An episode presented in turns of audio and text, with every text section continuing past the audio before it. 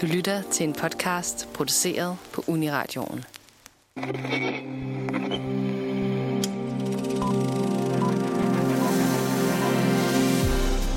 Halloween er forbi, og julen nærmer sig hastigt, men Nosferatu er ikke helt klar til at give slip på uhyggen. Som en sidste letten på heksehatten fra Halloween vil vi i denne uge tale om både hyggelige og uhyggelige hekse, og se på tre eksempler på, hvordan sådan nogen kan se ud i filmens verden. Fra den gyselige græske Helena Marcos til tryllebindende Sandra Bullock og pur unge naturmager i den danske film Vildheks. Velkommen til Filmmagasinet Nosferatu.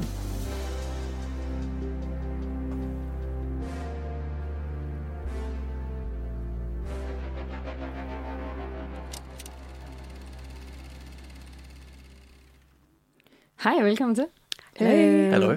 Jeg hedder Sofie, og med mig i studiet har jeg Nandi og Niels Otto. Hallo. Ja, hej. Så får vi lige en hej en gang til. Øhm, vi skal jo snakke om hekse i dag, og det har jeg glædet mig helt vildt meget til. Det tror jeg, jeg tror, det bliver virkelig sjovt. Og det er jo lidt øh, lige i sidste øjeblik at få den med på Halloween, men, øh, men det, det er også en af mine yndlings Halloween-væsener, så vi var næsten nødt til det. Ja.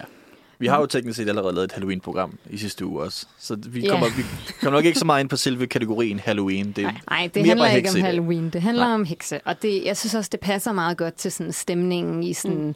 start november, hvor alt er sådan lidt mørkt, og man godt sådan kan forestille sig, at der sker nogle sådan lidt uhyggelige, magiske ting i nogle hjørner rundt omkring. til det. Bare sådan en dag som i dag, der er lidt meget vådt og sådan lidt mørkt og lidt hyggeligt. Og sådan. Mm, Klamt og forbandelsesagtigt. Ja, også. Men øh, vi vil lige starte, inden vi går ind. Vi har som sagt tre film, som jeg sagde i introen, tre film, vi skal tale om i dag. Den første, det er gyserfilmen Suspiria fra 1977. Og så skal vi tale om Practical Magic fra 1998. Og den danske film Vildheks fra 2018. Øhm, så dem kommer vi ind på lidt senere, men nu vil vi lige starte med sådan lige en lille intro til hekse. Øh, et lille crash course, nej, i hvordan man forbander ting eller eller. Nej, men bare sådan lige, hvad, hvorfor vi synes, det har været spændende at skulle tale om hekse i dag. Og så tænker jeg, at jeg vil spørge dig, Niels Otto, hvorfor synes du, det er fedt at tale om hekse? Det er et rigtig godt spørgsmål, og jeg bliver nødt til at brede den lidt ud for at komme med mit svar, fordi jeg, jeg er generelt fascineret af det paganske. Ja. Det, det er sådan okulte, det, du ved, også den gammel magi og alle de der ting, og den måde, det har påvirket samfundet. Og hekse er jo en kæmpe stor del af det. Og jeg synes, det er ret fascinerende, at, at alle, alle samfund har på et eller andet tidspunkt haft nogle, nogle overnatro, over, overnatro, wow. noget overtro og noget overnaturligt, Ja. ja. hvor, det altid var noget sort magi, og ofte så var det kvinder, der sådan stod bag det. Så ja. der har været forskellige slags kvinder i Skandinavien, har haft vølven og sådan noget, ikke? Altså, du ved, Mm. alle de her forskellige hekse. Og Jeg synes, det er ret fascinerende at se på, hvordan troen på sort magi og det overnaturlige og, og satan og alle de her ting har påvirket vores samfund på forskellige punkter. Øh, og, og så er det også bare, altså jeg synes, det, jeg, jeg er generelt ja, fan af det paganske, og sådan de her højtider, der engang imellem dukker op. Altså nu, Halloween er jo i dag meget om, nu sagde jeg, nu sagde jeg tidligere, at vi ikke snakke om Halloween. Nu kommer jeg lige hurtigt ind på det. Halloween er jo meget amerikansk i dag. Øh, men det kommer jo netop af de her sådan, virkeligheden, altså fra altså sådan 1400 år gamle traditioner af sådan at tro på helgener, som er de hellige væsener, og så lige før, helgene, lige før vi skal fejre de helgene, så kommer, du ved, alle helgens aften, dagen før vi skal fejre det, alle, de helgen, alle helgene, så kommer alt det overnaturlige tættere på os. Yeah. Og sådan den der sådan frygt for, at der er noget andet, synes jeg er vildt fascinerende. ja. Øhm, så det er derfor, jeg, jeg er glad for at snakke om hekse også. Og jeg har sådan, altså, jeg, jeg kom lidt til at falde ned i sådan et rabbit hole af at læse på alt muligt heksemytologi, som jeg ikke ved om er særlig relevant. Jeg har også en bog med, som jeg købte for mange år siden, og jeg har kigget i flere gange. Uh, The Oxford Illustrated History of Witchcraft and Magic, som også bare, altså den har en, en Det lyder fantastisk, fantastisk. Det lyder helt fantastisk. den har sådan en virkelig god også sådan further reading, hvor det er bare sådan bøger omkring dæmonologi og sådan noget, hvor det er sådan, Nej, hvor fedt. jeg vil rigtig gerne købe alle de bøger og læse dem. Jeg synes bare, det er spændende sådan Ja, noget. det er også Øhm, mega spændende. Så det kommer vi også til at snakke lidt om. Og det bliver sjovt, fordi vi har øh, tre meget brede film hvordan ja, vi meget forskellige, hekse. meget forskellige fremstillinger af hekse, vi har gang i i dag. Jeg, altså, jeg synes også, at jeg har som sagt glædet mig vildt meget til, at vi skulle tale om det her. Nu er jeg blevet en lille smule syg, så hvis min stemme knækker, så er det derfor. Og det er lidt ærgerligt, fordi ellers så havde det været en festdag i dag, synes jeg, når vi skal snakke om hekse. Øhm, det er jo sådan noget, der er... Altså, jeg, som jeg sagde, inden vi gik øh, off mic, inden vi gik i gang med at optage, der sagde jeg, at jeg føler, at jeg sådan virkelig har fået er vokset op med hekse og fået heksene ind sådan lidt med modermælken, fordi at vi er jo Harry Potter-generationen, ikke? Og, og udover det, så mange af de danske fantasybøger, jeg læste som barn, var jo enormt hekset. Altså sådan noget Skammerens datter, alle de der Lene Kåberbøl-bøger, det var også hende, der har skrevet Vildheks, som, øh, som er, det er en filmatisering af, vi har set til i dag. Nu er den så, altså Vildheksbøgerne er for sene til, at jeg nåede at læse dem som barn. Men der er jo meget heksevibes i Skammerens datter-serien, og alle de øhm, øh, Josefine Ottesen-bøger, ja. dem slugte jeg også som barn. Og der er de der historier om Mira, Dæmonernes Visken-bøgerne, som jeg sådan, altså, det var, jeg har læst dem så mange gange. Det er de mest fantastiske, fantastiske bøger. bøger altså. ja. Og jeg, jeg genlyttede dem på et tidspunkt som voksen, hvor jeg lå syg, og sådan lyttede til dem alle sammen på lydbog, og altså, det er fantastisk. Jeg elsker ja. dem. Og de er jo skrevet øhm, ved, at hun trak sådan nogle øh, tarotkort, og så sådan skrev hun noget, og så trak hun et tarotkort, og så skulle hun øh, blive inspireret til, hvor øh, historien skulle gå videre hen ud fra det her tarotkort, hvilket jeg synes er øh, virkelig spændende. Og det er bare sådan den der heksede vibe, som jeg føler, at jeg altid har haft med mig, når man er sådan når man var sådan en af de der læsehestepiger i folkeskolen. Jeg læste også Witch-tegneserierne, som oh, jo ja. ikke sådan, de er jo, det er ikke sådan rigtige hekse, de er sådan lidt mere feagtige, men de kaldte sig selv hekse, og der var sådan meget øh, magi og hekse-vibes. Så jeg, altså, jeg har, har glædet mig vildt meget til det her. Og jeg har også lige sådan et lille øh, feminist corner, vi lige skal runde, inden vi går i gang med at tale om, øh, om filmene. Men nu vil jeg lige spørge dig, Nandi, hvordan har du det med hekse? Ja, men som I lige stod og snakkede, så kom jeg til at tænke på, øh, jeg læste øh, nogle bøger, som Helle Ryding har skrevet, øh, som jeg lige nu har fuldstændig glemt, hvad hedder, men som også handler om sådan en ung pige, der ligesom opdager, at hun faktisk er fra sådan en magisk verden. Øhm, og jeg var altså sådan smask forelsket i dem, og har læst dem flere gange og sådan noget. Øhm, den første hedder noget med svanen, Svane, jeg kan sgu ikke huske det. I hvert fald. Øhm, og jeg tror bare, ja, jeg, øhm, jeg tror meget, at min barndom gik op i og sådan levede mig ind i fantasiverdenen, og der, det her med, med hekse, jeg tror, at mange kan relatere til, men på et eller andet tidspunkt lidt har forestillet sig mig, man havde lidt heksemagi i sig. Ja, yeah, øhm, Og det er bare sådan lidt smukt at kunne leve sig ind i. Altså, det kommer vi også til, øhm, har vi et lille klip med senere, om, om det der med som barn, og sådan lige ønske, at man kunne ja, ændre verden lidt med, med en lille, en lille, lidt trylleri og sådan. Ja. Øhm, så, så det, ja, sådan meget øh, ungdomligt blik på det, tror jeg. Ja, Mere ja. end sådan, og feministisk bliver også mega spændende, men jeg tror, mit er meget sådan naivt. Eller sådan. Men altså, jeg tror også, vi er mange i vores generation, ikke? Altså, vi er jo den, der, den, den store øh, børne- og teenage-fantasy-generation, ikke? Som Ja. sådan... Altså, nu ved jeg godt, at der er nogle år mellem dig og mig, Nandi, men, men stadigvæk, altså sådan, hvad er der, der er måske fem år imellem os? Det, altså, vi er stadigvæk en del af, af de mennesker, der er vokset op i, i sådan in the wake of Harry Potter.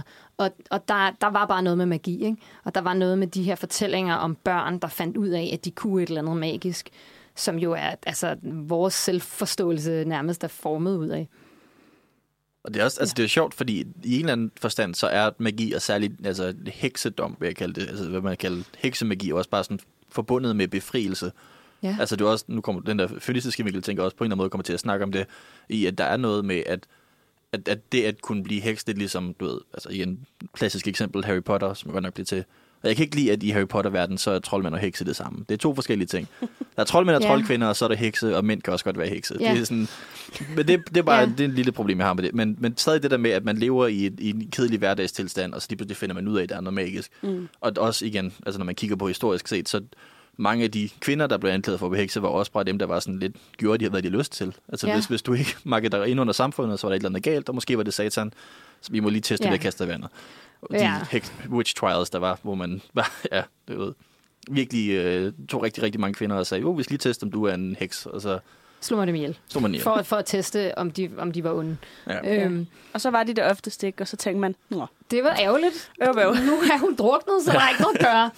Øh, Altså, jeg vil sige, de var jo aldrig hekse, for jeg tror personligt ikke på det, så det var altid bare henrettelser, men det er rigtigt. De Men der det synes sådan, jeg regler, faktisk- de fandt på. Ja, det synes jeg faktisk er, er, er et interessant øh, vinkel, det der med, hvad betyder det at være en heks? Fordi at noget af det, der er sket på det sidste, er jo, at altså, de senere år, at det er jo blevet noget, som ligesom, ordet heks er noget, folk ligesom har taget til sig. Altså, der er kommet sådan en, sådan en, ja, en feministisk bølge, som, øh, som også hænger enormt meget sammen med den her sådan, øh, øh, moderne spiritualitetsbølge, der også har ramt de senere år. Altså alt det der med, at alle folk er begyndt at tale vildt meget om stjernetegn, for eksempel. Ikke? Ja. At alle overalt på ens Facebook og Instagram er sådan, that's just because I'm a Libra-agtig. øhm, hele tiden, eller sådan, går virkelig meget op i, hvem man skal date på baggrund af, hvad for stjernetegn det er, og sådan nogle ting.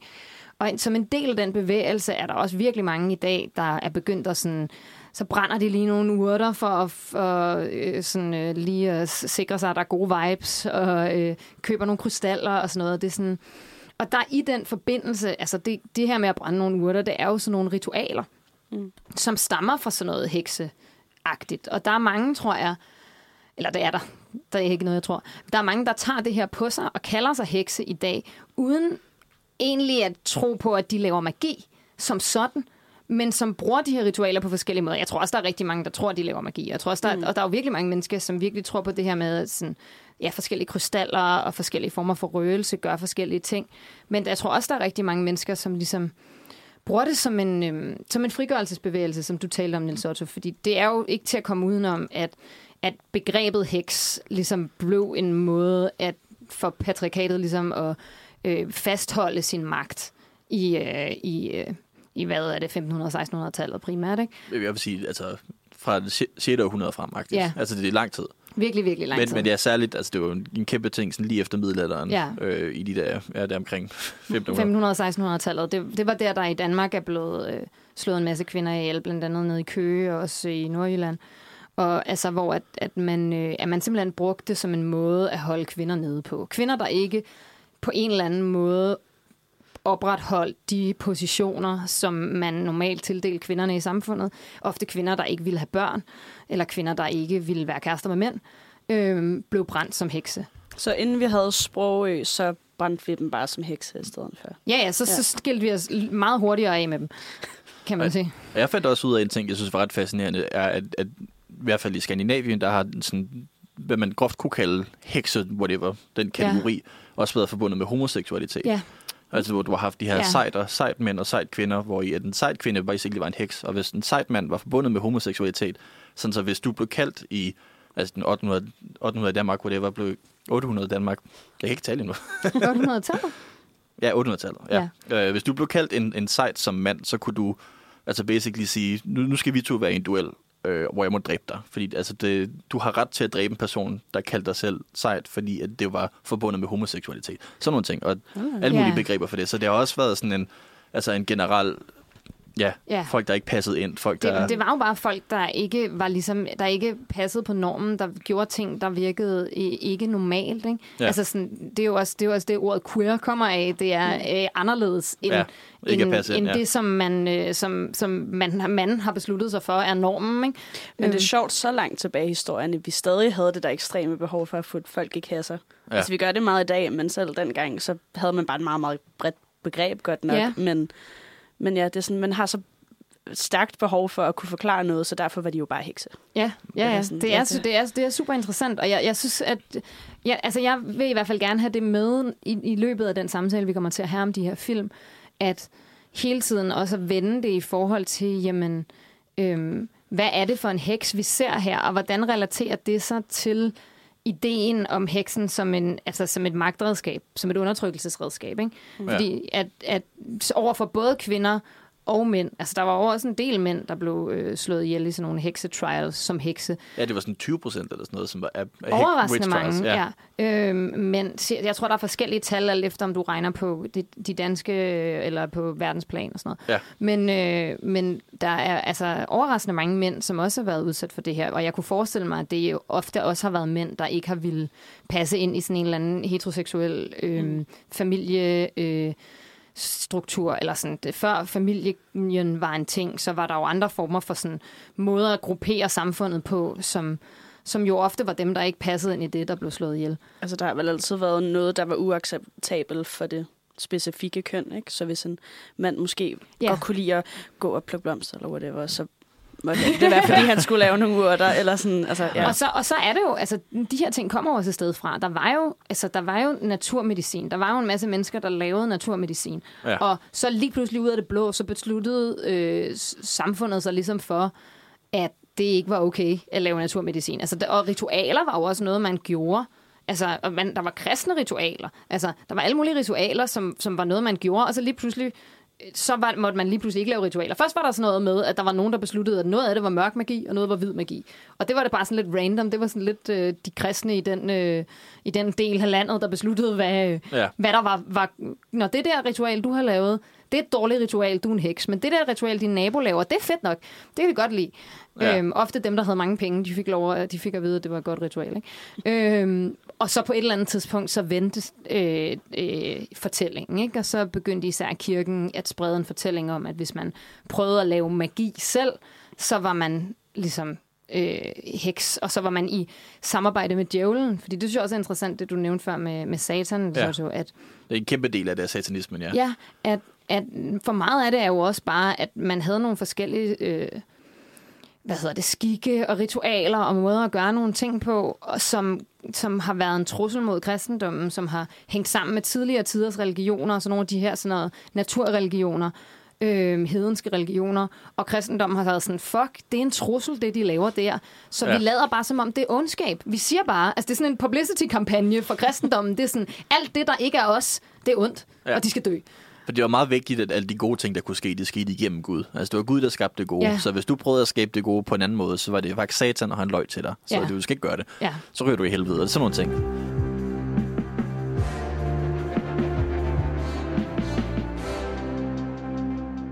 Så er vi tilbage. Yes. Yes. Og vi skal snakke en lille smule om Suspiria fra, hvad var den, 1977? 1977, eller sådan noget? ja. En øh, herresyret gyserfilm, vi har set. Mm. Og vil du ikke øh, lige sådan sætte os i gang, Nandi, med lige give en lynhurtig opridsning af, hvad den handler om? Det kan du tro. Øh, vi følger en amerikansk pige, som lige er flyttet til øh, Tyskland for at gå på den her prestigefyldte, eller sådan meget omtalte øh, danseskole. Og hun ankommer så en meget våd øh, aften, nat nærmest, til... Altså, kaos starter nærmest lige fra de første tre minutter eller et eller andet.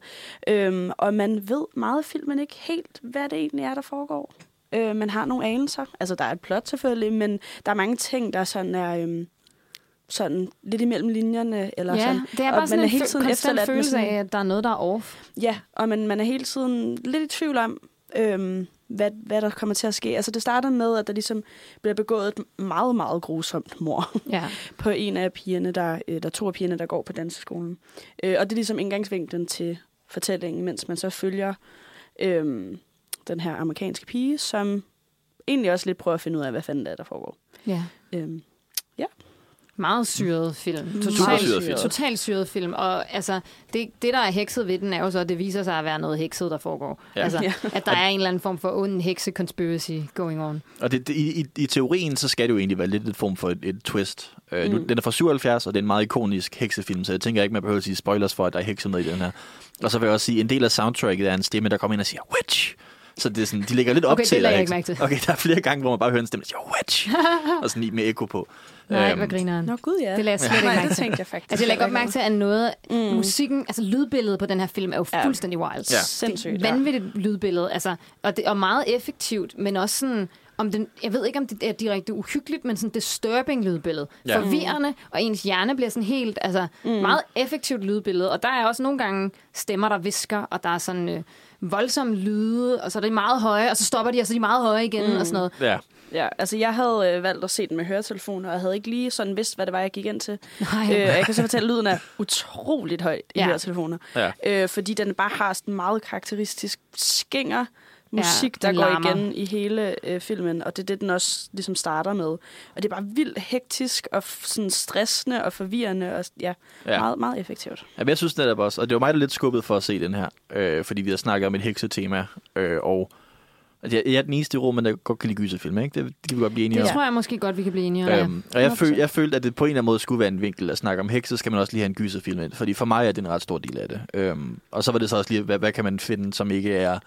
det mest skræmmende i verden. Og den er, den er, altså, den er ubehagelig. Det er, Mm. det er en gyserfilm. Men den bærer også præg af, at den er fra 77. Ja, der, der er noget af den, der er lidt sådan gamle effekter, og så er der også netop, at den på en eller anden måde, i sted, altså det er ikke sådan en, et, der er en monster bag døren, der jagter, der er gyserfilm mm. eller sådan noget. Det, det, er igen, det er sådan, det, det her ja, det mærkelige... suspense. Ja. Ja, Ja, vi- det er vi- sådan en underliggende, disturbing følelse hele filmen igennem, hvor man bare kan mærke, at der er noget galt, og Mm. ja. hende der hovedpersonen bliver mere og mere syg ja, sådan forskellige, på forskellige måder, mm. hvilket jeg synes var vildt creepy, og sådan, mm. det er helt Ja. tydeligt, at de, her, de der sådan, heksefolk der på den der balletskole har gjort et eller andet mod hende. -agtigt. Ja. Ja. ja, men jeg synes, det der er effektivt ved den, er netop, at den starter med så voldsomt et mor, for det er et meget grafisk mor. Igen, sådan, det er meget tydeligt fake blod Ja, og man sådan ser noget. direkte hjertet blive stukket af en kniv. Altså Ja, ja, inde i ja, kroppen præcis. ser man hjertet Ja. ja. blive Ja. stukket. Det er virkelig direkte. bliver synes stukket faktisk- med den der kniv adskillige gange, Ja. Ja. og så falder hun igennem noget glas og sådan noget. Altså, der er virkelig... Og så blev hun hængt. Og så blev hun hængt til altså, sidst, det, og så jeg er der nogle andre, der bliver på død. hængningen glas. var det værste, fordi jeg synes Ja. bare, det var så sådan... For mig så tydeligt at tænke på sådan en nak, der lige Ja, det var meget, men- det var meget grafisk, ja. og meget, og igen, lydbilledet gør også en kæmpe forskel. Jeg tror, at den her film ville... Altså, jeg synes, den var... Jeg er som sagt heller ikke til gyserfilm normalt, men jeg synes, den var ret fucking uhyggelig. Ja. Ja. Og det tror jeg slet ikke, den havde været, hvis, hvis man slog lyden fra. Nej. Altså, jeg Nej, tror, det det er lyden, der laver det. Ja. Helt altså, klart. altså, ja, der er nogle, nogle klamme mor, men sådan... Ja. Det, jeg, altså, den der lyd var så voldsom. Altså, mm. sådan virkelig overvældende. Men sådan... Jeg læste et sted, der var nogen, der sagde, at det var øh, det tætteste filmverden nogensinde er på, har været på at lave, hvordan det føles at have et mareridt. det synes jeg er Ja. meget rigtigt. Ja. Men det er jo netop det, fordi mordet er så voldsomt til at starte med, at du bare hele tiden sådan on edge, fordi du forventer, at alting vil være lige så slemt. Så lidt ligesom med The Shining, altså den der sådan suspensopbyggelse konstant, og så også fordi lyden er så horribel. Så jeg sad i hvert fald med sådan en, for jeg synes ikke, den var uhyggelig, men jeg sad alligevel med sådan en ondt i maven, fordi sådan, man vidste ikke, hvad der ville komme. Og det er Øhm. som sagt også en meget syret film, hvilket vil sige, at man kan heller ikke rigtig, man kan ikke regne ud, hvor den er på vej hen. Øhm, og sådan, billederne er jo også virkelig sådan psykedeliske. Ja, men Den jeg har har også nogle- nogle... læst, at den var inspireret af at have sådan, at den skulle ligne at have et psykedelisk trip. Ja, sådan noget med syre. Ja. Altså trip, ja. Ja, det var inspireret af en, en tekst, der blev skrevet i sådan 1815, der havde et eller andet Suspiria-agtigt, hvor det var, som netop handler om sådan psykedeliske effekter og lidt om, om witchcraft og sådan noget. Og det er jo også meget, altså du ved, igen, det er jo twistet, at der er hekse med, så det er ikke fordi filmen, altså den handler om hekse, men det er ikke fordi den snakker om hekse hele vejen igennem. Det kommer sådan halvvejs igennem lidt senere måske. Øhm, men det hele handler sådan om, omkring effekten af hekse, føler jeg. Ja. Og jeg, jeg, jeg, jeg synes, altså, en af de fedeste introduktioner til nogle film, i hvert fald en af mine yndlings, er starten på den her film, hvor I, man ser øh, karakteren Susie Bannion, som er hovedrollen. Hun ankommer fra Amerika til Tyskland, og hun er i lufthavnen. Og som hun går øh, i lufthavnen, så går hun mod de der sådan, automatiske døre, der åbner sig. Og hver eneste gang dørene åbner, så kommer det her øh, soundtrack af bandet Goblin, øh, som er et virkelig godt band også, og har lavet virkelig fedt soundtrack til den her film, kommer ind, og når de lukker, så forsvinder det igen.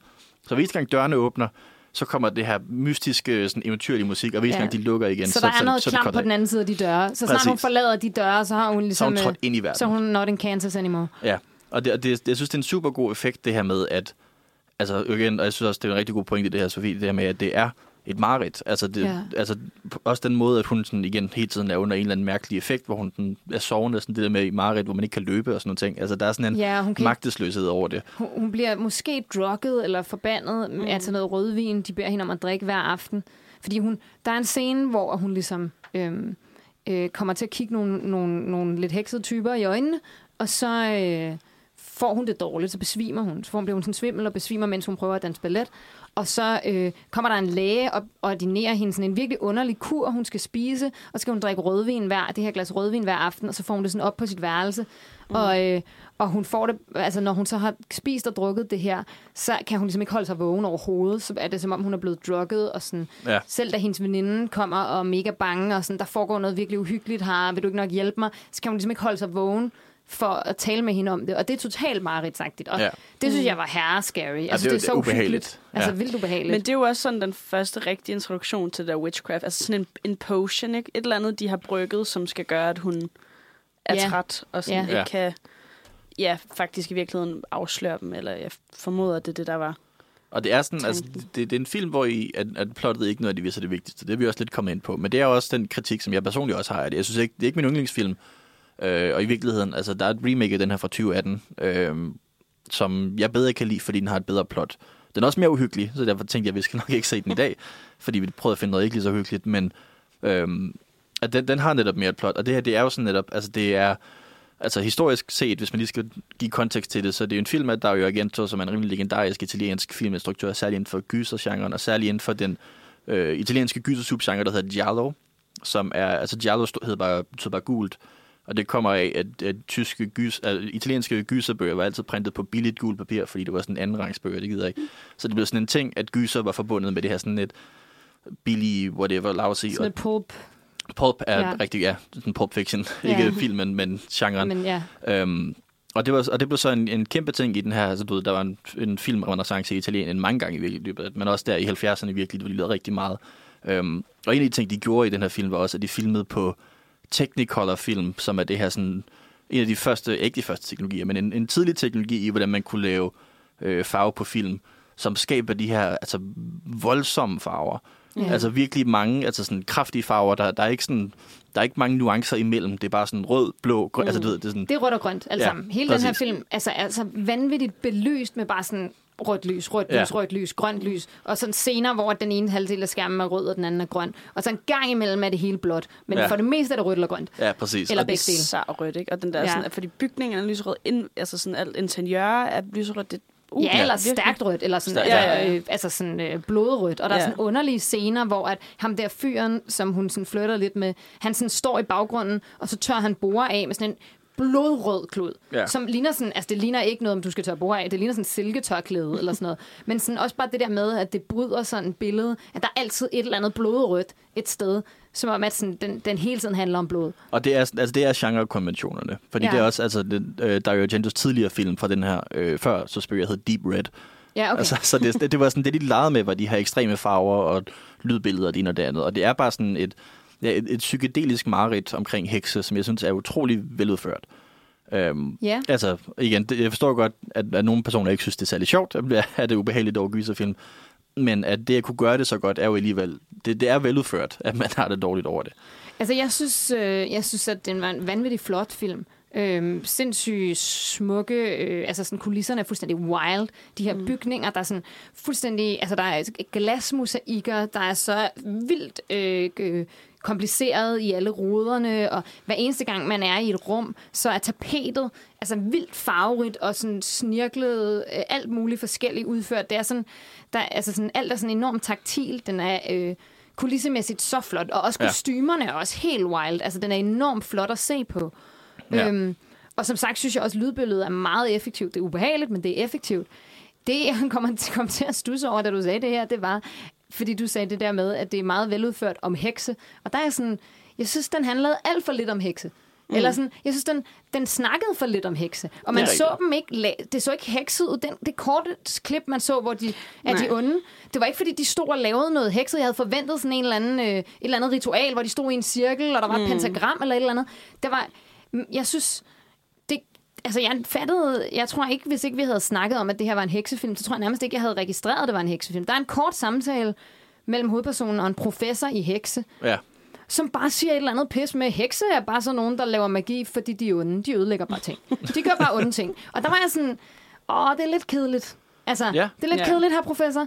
Jeg kunne godt tænke mig at vide, hvorfor de var onde. Jeg kunne godt tænke mig hvad, at vide, hvad de prøvede at opnå med at være onde. Det er bare sådan, ke- hekse skaber bare kaos. De gør bare onde ting. Ja. Ja, jeg vil ønske, at jeg kunne anbefale dig remaket. Ej, også, altså remake, jeg ved ikke, om den er... Du må gerne fortælle om remaket. Ja, der, der kommer nok til at være lidt spoiler i hvert fald, for der er mere plot-agtigt. Ja.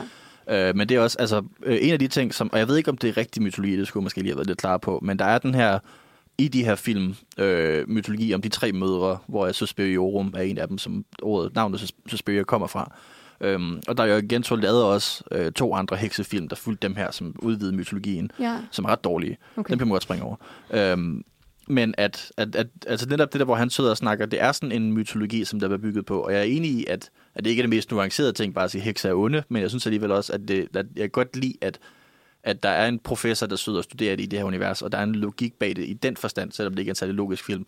Øhm, og jeg kan godt lide, at altså, det, som jeg også understregede i min, ja, det, det der med min yndlingsdel, var i starten, hvor man kan se dørene åbner, at, Ja. at det, det, føles som om hele magien er sådan, eller hele filmen er sådan vedet i ond magi. Mm. At man kan sådan mærke den onde magi i alt, hvad der sker. Alle de handlinger, der sker, er også alle de overnaturlige ting, eller bare onde ting, der sker, føles på en eller anden måde, som om de er præget af heksemagi. Det er sådan en meget effektiv måde at gøre. At hekse er ikke bare sådan, du ved, man peger en, en tryllestav og siger, Wingardium Leviosa, og så flyver et eller andet. Det er sådan, magien er i universet. Det breder sig ud fra det her onde. Øhm, ja, det synes jeg er rigtig fedt. Ja. Øh, og i, ja. sorry, fordi lige spoil re- øh, remaket en lille smule. ja, gør det. En af de ting, som den gør, som jeg synes er virkelig, virkelig fedt, og som jeg virkelig savner, når man ser den originale, er, at i den film, øh, så udøver de øh, deres heksemagi ved at danse. Ja. Så det, det at det er en danseskole, meget giver meget mening. mening, præcis. For, fordi det synes jeg, det var en af de mm, problems, jeg havde med den her film. Det var sådan, hvorfor har de overhovedet en danseskole? Hvorfor Ja. har heksene en danseskole? Og hvorfor, har, hvorfor er det ikke bare heksene, der så lader som om de er elever, hvis de i virkeligheden bare... Fordi det var sådan lidt i filmen som om, at danseskolen bare var en front for Ja. en skole for det okulte. Men hvorfor har de så elever, der kommer alle mulige steder fra, Så de har jo alle mulige elever, som de så er nødt til at myrde, fordi de finder ud af ting. Det Jeg tror, bare- det, jeg tror, det er for at tillukke, tillukke unge kvinder, som enten kan blive hekse eller kan blive brugt til heksemagi. Det er i hvert fald sådan, som jeg læser det. Jamen, de bruger dem jo ikke til heksemagi, den her. De, der er jo ikke nogen ritualer. Altså, de, Nej, ikke de, rigtigt. de, de, de bruger dem jo ikke til heksemagi. Det var det, hvis der havde været det, synes jeg, jeg ville kunne forstå det bedre. Så var det sådan, okay, de har lokket de her unge kvinder til for at ofre dem til satan, eller et eller andet. Altså, det hvis man jeg- så i slutscenen, at der stod nogle af de unge dansere, og var med til sådan at give hende den der chalice, som hun lige drikker af, sådan noget, så ville det give mening Ja. på en eller anden måde. Men du ser jo kun dem, der arbejder på skolen. Man ser kun Ja. medarbejderne, og man ser Øhm. heller ikke nogen... Altså, der bliver slået en del elever ihjel i filmen, men der er jo ikke nogen af dem, der bliver slået ihjel på en måde, hvor det bliver brugt til heksemagi. De Ah, bliver, jo, altså lige der til sidst, så ser man jo en af dem, altså hende, hende øh, Susie Banyans ven, blev vagt til live igen, for hun kan angribe Susie Banyan. Nå, ja, ja, men, men det er ikke derfor, de har slået hende ihjel. De har slået Ej, det er hende ihjel, fordi hun var ved at finde ud af det. Altså, de har ikke, de har ikke brug for de her kvinder, så hvad... hvad altså sådan, og der, der, det synes jeg, det du siger med, at, øh, at de laver, bruger det at danse til at lave magi, Ja. Lave heksemagi i genindspilningen, giver meget bedre mening. Og sådan noget manglede jeg lidt her, fordi Ja. jeg synes simpelthen ikke rigtigt, det hang sammen. Og det gjorde, at jeg ikke rigtig blev revet med. Altså en gang imellem, så sådan, selvom at den var super ubehagelig, så når den ikke var ubehagelig, så kedede jeg mig faktisk lidt en gang imellem. Men der tror jeg altså også, at vi er meget præget af sådan, den vestlige verdens filmfortælling. For jeg tror, vi er meget... Vi virkelig har brug for et plot, og det tror jeg ikke altid sådan andre steder i verden nødvendigvis har brug for. Men det er jo en sådan- italiensk film. Ja, ja, ja, det er selvfølgelig også, ja, det er selvfølgelig rigtigt nok. Men jeg tror, at italiensk film tit har været præget af også franske film, ikke? At sådan, der behøver ikke altid være et plot. Ja, det Men er vi meget kan sådan, rigtig godt lide, for vi er meget sådan præget af Hollywood, Ja, så vi kan godt lide sådan... Ja, her sorry, film er klar- Italien er selvfølgelig Vesten. men, mm. men den er klart, Men, ja. den, det er klart en stemning mere end det er en, altså det er en stemningsdrevet film. Og den prøver at være en stemning. Men jeg synes bare, jeg synes, den, jeg kunne godt have tænkt mig at være blevet lidt fascineret af mm. den her hekseverden, heksemagi. det, Fordi ja, det- det giver meget god Og mening. det synes jeg ikke rigtigt, jeg blev. Fordi jeg forstod den ikke. Jeg kunne ikke rigtig, jeg kunne ikke rigtig forstå, hvorfor den var der. Hvor det synes jeg nogle gange med sådan nogle uhyggelige film, så kan man godt blive sådan lidt fascineret af den der onde verden. Eller sådan, ikke? Altså ja. sådan, blive taget ind i den.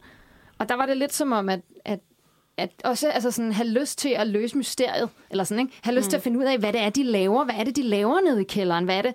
Sådan, uh, ritualer, det kan jo godt være virkelig spændende, men der var jo ikke nogen ritualer. Eller sådan, det, åh, det manglede jeg bare lidt, også netop hvis, altså, hvis det skal være en heksefilm, så sådan, jeg mangler nogle ritualer. Det Ja, gør jeg jeg, forstår, jeg forstår det virkelig godt. Og det er igen, altså jeg, jeg er større fan af den her film, end de andre kan jeg måske mærke.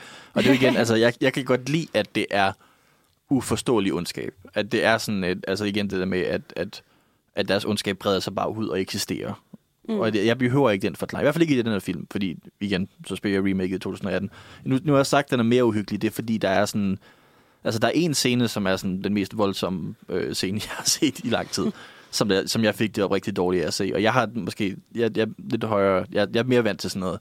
Ja. Så det er også derfor, er er at det anbefale. uhygge, eller er det vold? Det er vold. Fordi vold har jeg ikke noget imod. For Okay. mig er det uhygge. Ja, Altså, det okay. er sådan jumpscares og sådan noget, jeg ikke bryder mig om. Okay. Men Okay. om der er nogen, der sådan bliver sliced op, det, det, det, ah, okay, det er ikke, det er ikke, det er ikke slashet. Det, er- at, altså det, ja, det er svært at forklare. øh, men det er i hvert fald brutalt. Øh, men der er det netop, altså der har du sådan en, en, en hekseskole, hvor i at der er forskellige trin af hekse, der sådan kæmper om at, at vinde i den her hekseskole, altså være den leder, ja. Ja. den nye heksepagtleder og sådan Ja, noget. Øhm, og, og det er også, altså apropos, øhm, hvis man lige skal komme ind på den feministiske vinkel, vi snakkede tidligere, øhm, så er det en film, hvor i, at den, mens de var i gang med at sådan, cast til den, der indså de, at i Suspiria remaket, at øh, der kun var en enkelt mandlig rolle med rigtigt. Øh, og så besluttede de sig for at cast Tilda Swinton til at spille den rolle. Det er virkelig meget make-up. Spoilers. For, at, altså, Så er der, så, så er der ikke en no guys. Ja, altså der, ja. Der er mænd med, med det er sådan politimænd i baggrunden, og whatever. Mm. Det er Mhm. ikke sådan, whatever. Øh, det er ikke, der er ikke nogen karakterer. Altså, ja, det, det, det, er sådan, det er kun kvinder, og den er ja. Ja. virkelig, altså den er langsom, den er to og en halv timer lang, og den er også langsom, og den er virkelig sådan, hvad hedder det, øh, undertrykkende. Altså den foregår i, i Berlin, lige ved sådan af Berlinermuren, og der er bare regn hele tiden, Ja. og det er bare så Mm. gråt og så dystert. Der er et soundtrack af Tom York fra Radiohead, Okay, vildt. som er et virkelig flot Okay. soundtrack, men også bare sådan asynkron, der er mærkeligt. Og det er sådan, altså, det er en ret spændende film. Det er Ja. lang tid, siden jeg har set den. Det er også, hvad jeg selv skal gense den, men jeg kan huske, at jeg var ret sådan grebet af den. Ja. Øh, der er også mange, der virkelig hader den, fordi den ikke er nogen Suspiria. Fordi folk har virkelig sådan stærke forhold til den Suspiria, Mm. vi så. Ja. Ja. ja, den er blevet ret kul klasse. Ja. Ja. Jeg tror, det er faktisk... Fordi, mm, jeg var heller ikke sådan monstervild med den. Men jeg tror, det jeg faktisk godt kunne lide ved den, var de scener, der havde på en eller anden måde allermindst plot, eller var mest sådan kaotisk. Jeg synes virkelig, det var det, der var den styrke. At den, der, hvor musikken bare er ballrende høj, og det sådan, hun løber bare rundt. Og sådan. Det synes jeg var fedt, fordi det er ikke, det er ikke altid, man får tid til at gøre sådan i for eksempel Hollywood-film, for der bare hele tiden skal være plot, plot, plot.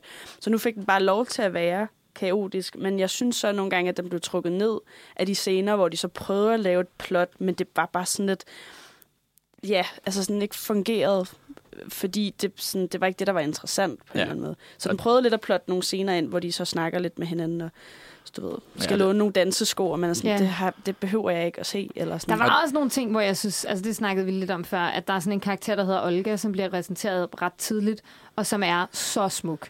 Hun er det flotteste menneske. Jeg var meget forelsket i hende. Og hun sådan... Øhm, Øh, hovedpersonen bor kortvarigt hjemme hos hende, og så kommer man hjem i det her hjem, og det er det mest vanvittige hjem. Så det er fuldstændig absurd ud. Altså, tapetet er så vanvittigt. Og så sidder Olga i sådan en kjole, som om hun er en, en, en sådan duchess eller et eller andet, og hendes hår er kæmpe stort og tuperet, og vi har lige set dem være over på danseskolen, og nu er de lige gået hjem, og hvornår mm. har hun fået tid til... Altså, hun, ser, hun er fuldstændig som om, at hun skal være sådan grevinde af et eller andet, og sådan, hun er vildt karismatisk og spændende, og så ser vi hende aldrig igen. Mm. Og jeg var sådan, og det var som om, hun blev bygget op til et eller andet. Ikke? Hun var sådan lidt, hun var sådan lidt evil. Hun sagde, at, øh, at kvinder med navne, der starter med S, yeah. er slanger og sådan noget. Og man havde det som om, at hun havde sådan lidt en bone to pick med hende hovedpersonen. Mm. Og så man hende bare ikke igen, og jeg var sådan... Også fordi der var noget sådan lidt næsten sådan... Det kan også være, det bare det er ønsketænkning fra min side, fordi jeg er lidt forelsket i hende. Men der var noget sådan lidt næsten homoerotisk yeah. over den måde, hun interagerede med hovedpersonen på, som jeg også synes var spændende ud fra sådan en hekse som noget queer-agtigt. Mm. Ja. Og sådan, jeg havde forventet, at hun ville vise sig at være en af heksene. Mm. Øhm, og så så man hende bare aldrig igen. Nej. Så der var nogle ting, hvor jeg var sådan, der, der, der synes jeg, der var noget, der de havde sat noget i gang, og så havde de besluttet sig for, at de ikke ville det alligevel. Eller sådan. Der var nogle steder, hvor den ikke var helt sikker på, hvad den ville. Ja. Men altså, jeg, jeg synes ikke, det var... Altså, jeg synes, den, ja, det var, jeg er glad for, at jeg har set den. Mm. Jeg synes, det var en vanvittig flot film. Jeg synes, altså, ja. man har lyst til at pause den hele tiden og tage screenshots. Ja. Ja. Den mindede mig faktisk om noget altså, helt andet. Øh, øh, hvad den hedder? Pigen med paraplyerne. Det er jo også sådan, det er sådan en fransk... Øh, hvad hedder oh, det, ja. musical, men også bare sådan sindssyge farver, og sådan, det hele er bare stort og flot, og, og så plottet bare sådan lidt. Ja. ja. Men altså farvemætningen i de her shots er fuldstændig vanvittig. Altså ja. sindssygt flotte farver og sindssygt øh, lyd, lydbillede. Ja. Og det synes jeg er det, man skal se den for. Altså mm. hvis man skal se den for noget, så skal man se den for... Og, og for den der øhm, mareridsagtige oplevelse, for mm. det synes jeg faktisk var meget vellykket. Ja, den minder ikke, noget, den minder ikke om noget, jeg har set før overhovedet altså, i hvert fald det er jo en genre, så der er andet som, men det er, så også, det er, en, det er en lidt ja. niche i dag, øh, gyser subgenre, ja. som man kan dykke ned i, hvis man har lyst til. Der er nogle gode film, der er også en masse dårlige, øh, altså i hvert fald ja. dårligere end den her. og hvis man så ikke kan lide den her, så skal man i hvert fald ikke dykke ned i dem. Øh, fordi det er meget det her, det handler om. Altså det handler om, om farverne, og om musikken, og om, om mystiske mor og drablige mor, altså masser af vold, og det her blod, blodet er nærmest lyserødt i den her film. Det er også sådan, det er virkelig mærkeligt at se, når det sådan dribler ud af munden og alt muligt. Øhm, Ja, og alting ligner blod. Altså det der med, at ja. den hele tiden kører rødt ind, og sådan, den er hele tiden, mm. man kommer hele tiden til at tænke på blod, fordi der er hele tiden røde ting, og de der røde klude, som sådan lige bliver sådan kastet ind foran kameraet og sådan noget. Det er som om, at hver eneste shot er så, altså så vanvittigt gennemført. Altså det er mm. virkelig, øh, der er virkelig blevet kredset for detaljerne, så jeg kan godt forstå, at den er blevet en kult klassiker. Ja. Øhm, men jeg, jeg synes også, at den er at den, at den nogle gange kommer til at virke lidt, som om den ikke er helt sikker på, hvad den ville om ja. den ville være en plotfilm eller ej. Eller sådan, som om, at den ja. sådan en gang imellem lige sådan... Men jeg, jeg, tror, føler, den, jeg, jeg synes, den er ret klar i, at den ikke vil være en plotfilm. Det er måske også bare, fordi jeg ikke vil have behørt i en plotfilm. Fordi mm. jeg ved, at det ikke er en plotfilm, før jeg så den. men jeg forstår godt, hvad du mener. Øh, men jeg synes netop også... Altså, det, det, er sådan en film, som jeg tror, at man netop måske skal være gyserfan for virkelig at værdsætte, hvad den gør. Fordi ja. at den, som du siger, det der Marits opsætning er så godt lavet. Altså, jeg det... tror også, at vi to måske i virkeligheden har set den lidt med de forkerte briller, eller en, den forkerte forventning til den. Fordi hvis jeg havde vidst i forvejen, sådan, hey, du skal ikke forvente noget i forhold, så havde jeg måske set den anderledes. Eller, jeg vil ja. i hvert fald ja, ønske, at jeg ikke havde tænkt det som en heksefilm.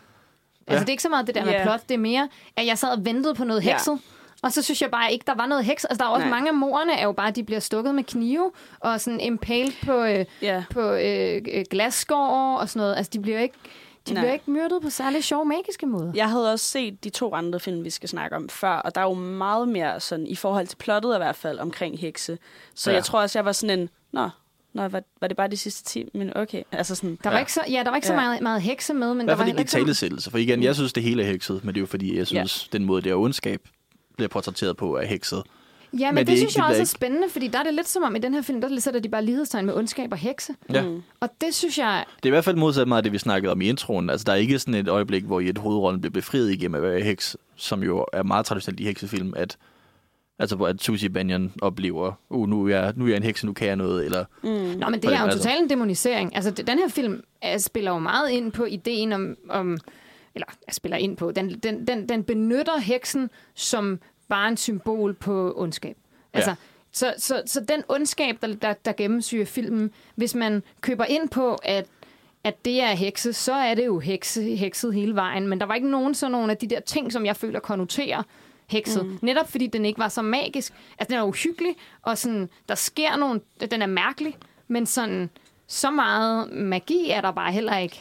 Jeg tror, altså, hvis vi skal snakke om sådan noget med, hvilken sådan, magt man kan associere med, med trolddom eller med hekser og sådan noget, så altså, hvor meget sådan psykisk magt det her magi har over især Susie Bun, Bun, Banyan, ja. Bun, Bun. Altså sådan, hvor, hvor meget den sådan, fucker med hende mentalt. Og det er jo altså det der med, at du kan... Men også det med, at den, øh, han, hun bliver sur på ham, fordi ham, den blinde mand, der er sådan en blind mand, der bliver angrebet af sin egen hund. Øh, og det er fordi, at den her hund skulle have bidt et, et ung barn. Og så bliver han jo henrettet med sin egen hund som straf for, at den der hund bed det der barn. Eller det er i hvert fald sådan, jeg tolker Ja, det. ja. Og så kan de jo, på den måde har de jo magt over situationen. Sådan, hey, du har trodset mig, så derfor så, så skal du dø ved, at vi får din, forhekser din hund til at Men i virkeligheden føler jeg nærmest bare, at det er hekse, fordi det er kvinder, der er magtfulde og onde. Ja. Altså, det er kvinder i en magtposition, der er onde. Og så er det det, der gør, at de er hekse. Ja, fordi hvis alt det var sket i en film, hvor at det var mandlige hovedroller, så havde det aldrig været magi. Eller Så havde man ikke hekse, kaldt tænker det hekse, nej. Nej, så havde det bare været ja, Altså, der, er- der er meget få tidspunkter, hvor at jeg synes, det virker, som om det er magi. Altså jo, der, der, er, den, der er den der scene, hvor hun går forbi den lille dreng og en meget hekse, eller en, en ældre, ældre dame. Og så får hun øjenkontakt med dem, og så får hun, bliver hun svimmel og besvimer bagefter. Og det Mm. virker sådan lidt magisk. Og så er der det, at hunden lige pludselig bliver ond og spiser... Altså, det er jo sådan en blinde hund. Ja. Mm. Og det er sådan... Øh, øh, den har jo passet på ham altid, og så bliver den bare lige pludselig ond og spiser ham. Mm. Men ellers så bliver alt det andet jo... Altså, jeg Og synes... jo, og så er der hende der, der, blev, der vågner fra de døde igen til sidst. Ja, ja, Det var ja. super hekset. Men det blev, Ja. det blev først hekset til, til allersidst. der var det så også virkelig hekset. Men jeg synes også der, hvor hun netop ikke kan holde sig vågen og sådan noget, er jo meget tydeligt, eller i hvert fald en hindsight meget tydeligt, sådan at være troldbundet, ikke? Altså sådan, at der er sådan en, Men jeg en tænkte bare, hun var magi, er drugget. toget. Men, Inde i mit hoved var hun bare blevet drugget, Men fordi det var, når også hun drak det der... De Ja. laver jo Vin. potions, det er jo Ja, det, det, de det, kan det er for. klassisk. Det love potions og alt muligt. Altså, det, det føler jeg netop stadig er hekset. Det, det er også der, hvor jeg synes, at Ja, altså igen, hvis man tænker over det meget logisk i sådan uden forbandelse, men jeg kan godt i mit hoved, ikke på en logisk måde, men på en ulogisk måde, forbinde, at en person bliver stukket i, i, i hjertet med en kniv til den her heksdom, fordi heksdom igen er den her sådan ondskab, der breder sig, sådan så at det ikke nødvendigvis er den her logiske igen, en tryllestav eller et eller andet, men at det bare er selve universet. Det er sådan, det, det, Mm. det, det er der, hvor hun træder ind i det her. Øhm, og det jo også, altså nu snakker vi meget om ondskab og sådan noget, og jeg, altså en af de ting, som jeg godt kan lide, som jeg også nævnte i introen, det her med paganisme og alt muligt, jeg kan godt lide sådan ideen om, altså jeg er også stor fan af, ikke nødvendigvis personen, men sådan forfatteren H.P. Lovecraft, som også har haft det her med sådan et, et større ondskab, som vi måske som mennesker kan trække lidt fra og bruge lidt, men det kommer til at fordærve os. Og det er der, hvor jeg også synes, sådan noget kan være fedt i en gyserforstand, det her med, at, altså du ved, jeg, jeg tror ikke nødvendigvis, at det er øh, Mother Marcus, som er hende der, der leder den her hekseskole, som er det store onde. Jeg tror bare, hun er en person, som der på en eller anden måde eksisterer i det her univers og kan trække fra det onde og bliver fordærvet af det. Okay. Og, og det er sådan, som Ja. jeg altså, er mere ikke så logisk og direkte ved en hekseskole og sådan noget, men mere abstrakt, at der er noget, noget, noget, noget større. Men Altså det, sådan, men hvis det for du eksempel, siger hvis der var en her, her nu er faktisk ja, netop, at det er ikke hekse som... Øh, øh, heks som øh, sådan noget øh, Wicca, Wicca øh, øh, natur, nat, øh, kon, øh, øh, naturmagi, øh, kontakt til naturen. Det er øh, hedenske ritualer. Mm. Det er øh, det faktum, det er hekse som i det faktum, at du er i kontakt med det allerondeste. Ja. Altså Mm. med satan. Så, Ja. så hekse som i du kan trække på noget ond magt et sted fra. Ja. Det er den forståelse af heksen, som den her film spiller på. Mm. Det er jo faktisk et lidt åbenbaringsagtigt for mig lige nu. Det kunne, du kunne høre det også var for dig, Nandi. Du lavede en lille åbenbaringslyd. Øh, Ja. altså, at, at, at jeg tænker hekse så meget som sådan noget med, så skal vi ud og finde nogle urter. Ja. Ja. At, at jeg var sådan, og eller sådan noget, vi tegner pentagram på gulvet. Mm. Men i virkeligheden, så leger den jo med ideen om, man trækker, trækker på en større ondskab. Ja. Mm. Altså, så heksen som kvinden, der er i kontakt med satan, med det allerondeste. Ja. Og så kan man jo sige, at den her film, den har ikke særlig mange, så, altså sådan, den, den, den, har ikke så, den har det ikke så godt med, med kvinder in positions of power. Nej. Men øh, det, Det er i hvert fald, altså- altså, det havde været en anderledes film, hvis det var en mandlig hovedrolle. Det bliver jo lidt Ja. mere feministisk, jeg ved ikke, om jeg kan kalde den feministisk, men altså i forhold til, at det, ja. det er kvinder, der styrer rollerne på en eller anden måde. Også Ja. i den gode, gode side, ikke? Og det hjælper faktisk også, at kvinderne ikke... Øh, altså, at de fleste af kvinderne godt kan lide hinanden. Ja. Det var også derfor, at jeg havde det svært med hende der Olga, når hun så ikke kom tilbage. Fordi hun jo netop var lidt ond ved de andre piger. Ja. Og så var jeg sådan, så skal hun vise sig at være heks, skal hun ikke? Men fordi at sådan, jeg kunne egentlig godt lide, at... Fordi altså, sådan nogle film kan jo godt lave nogle gange, den der sådan, der er en god pige, og alle de andre er onde. Ja. Der er en kvinde, som er nice, men hun er undtagelsen. Ja. Ja. Eller sådan, ikke? Altså, det Ja. der, sådan er der jo rigtig, rigtig mange film, der kun har en god kvinde. Mm. Eller sådan, ikke? Øh, og der, øh, det gør den her film faktisk ikke. Den har en del kvindekarakterer, som er nice personer, de bliver bare myrdet. Ja, og det er jo primært de kvindekarakterer også. Altså, det, Ja, der er mm. altså, de, der, altså der er ham der, er den blinde klaverspiller. som bliver ædt af sin hund. Ja, og Ja. så en lille dreng på et Ja. tidspunkt. Som er mega hekset. Ja, det er meget hekser også. Han er ond, ham den lille dreng. Ja.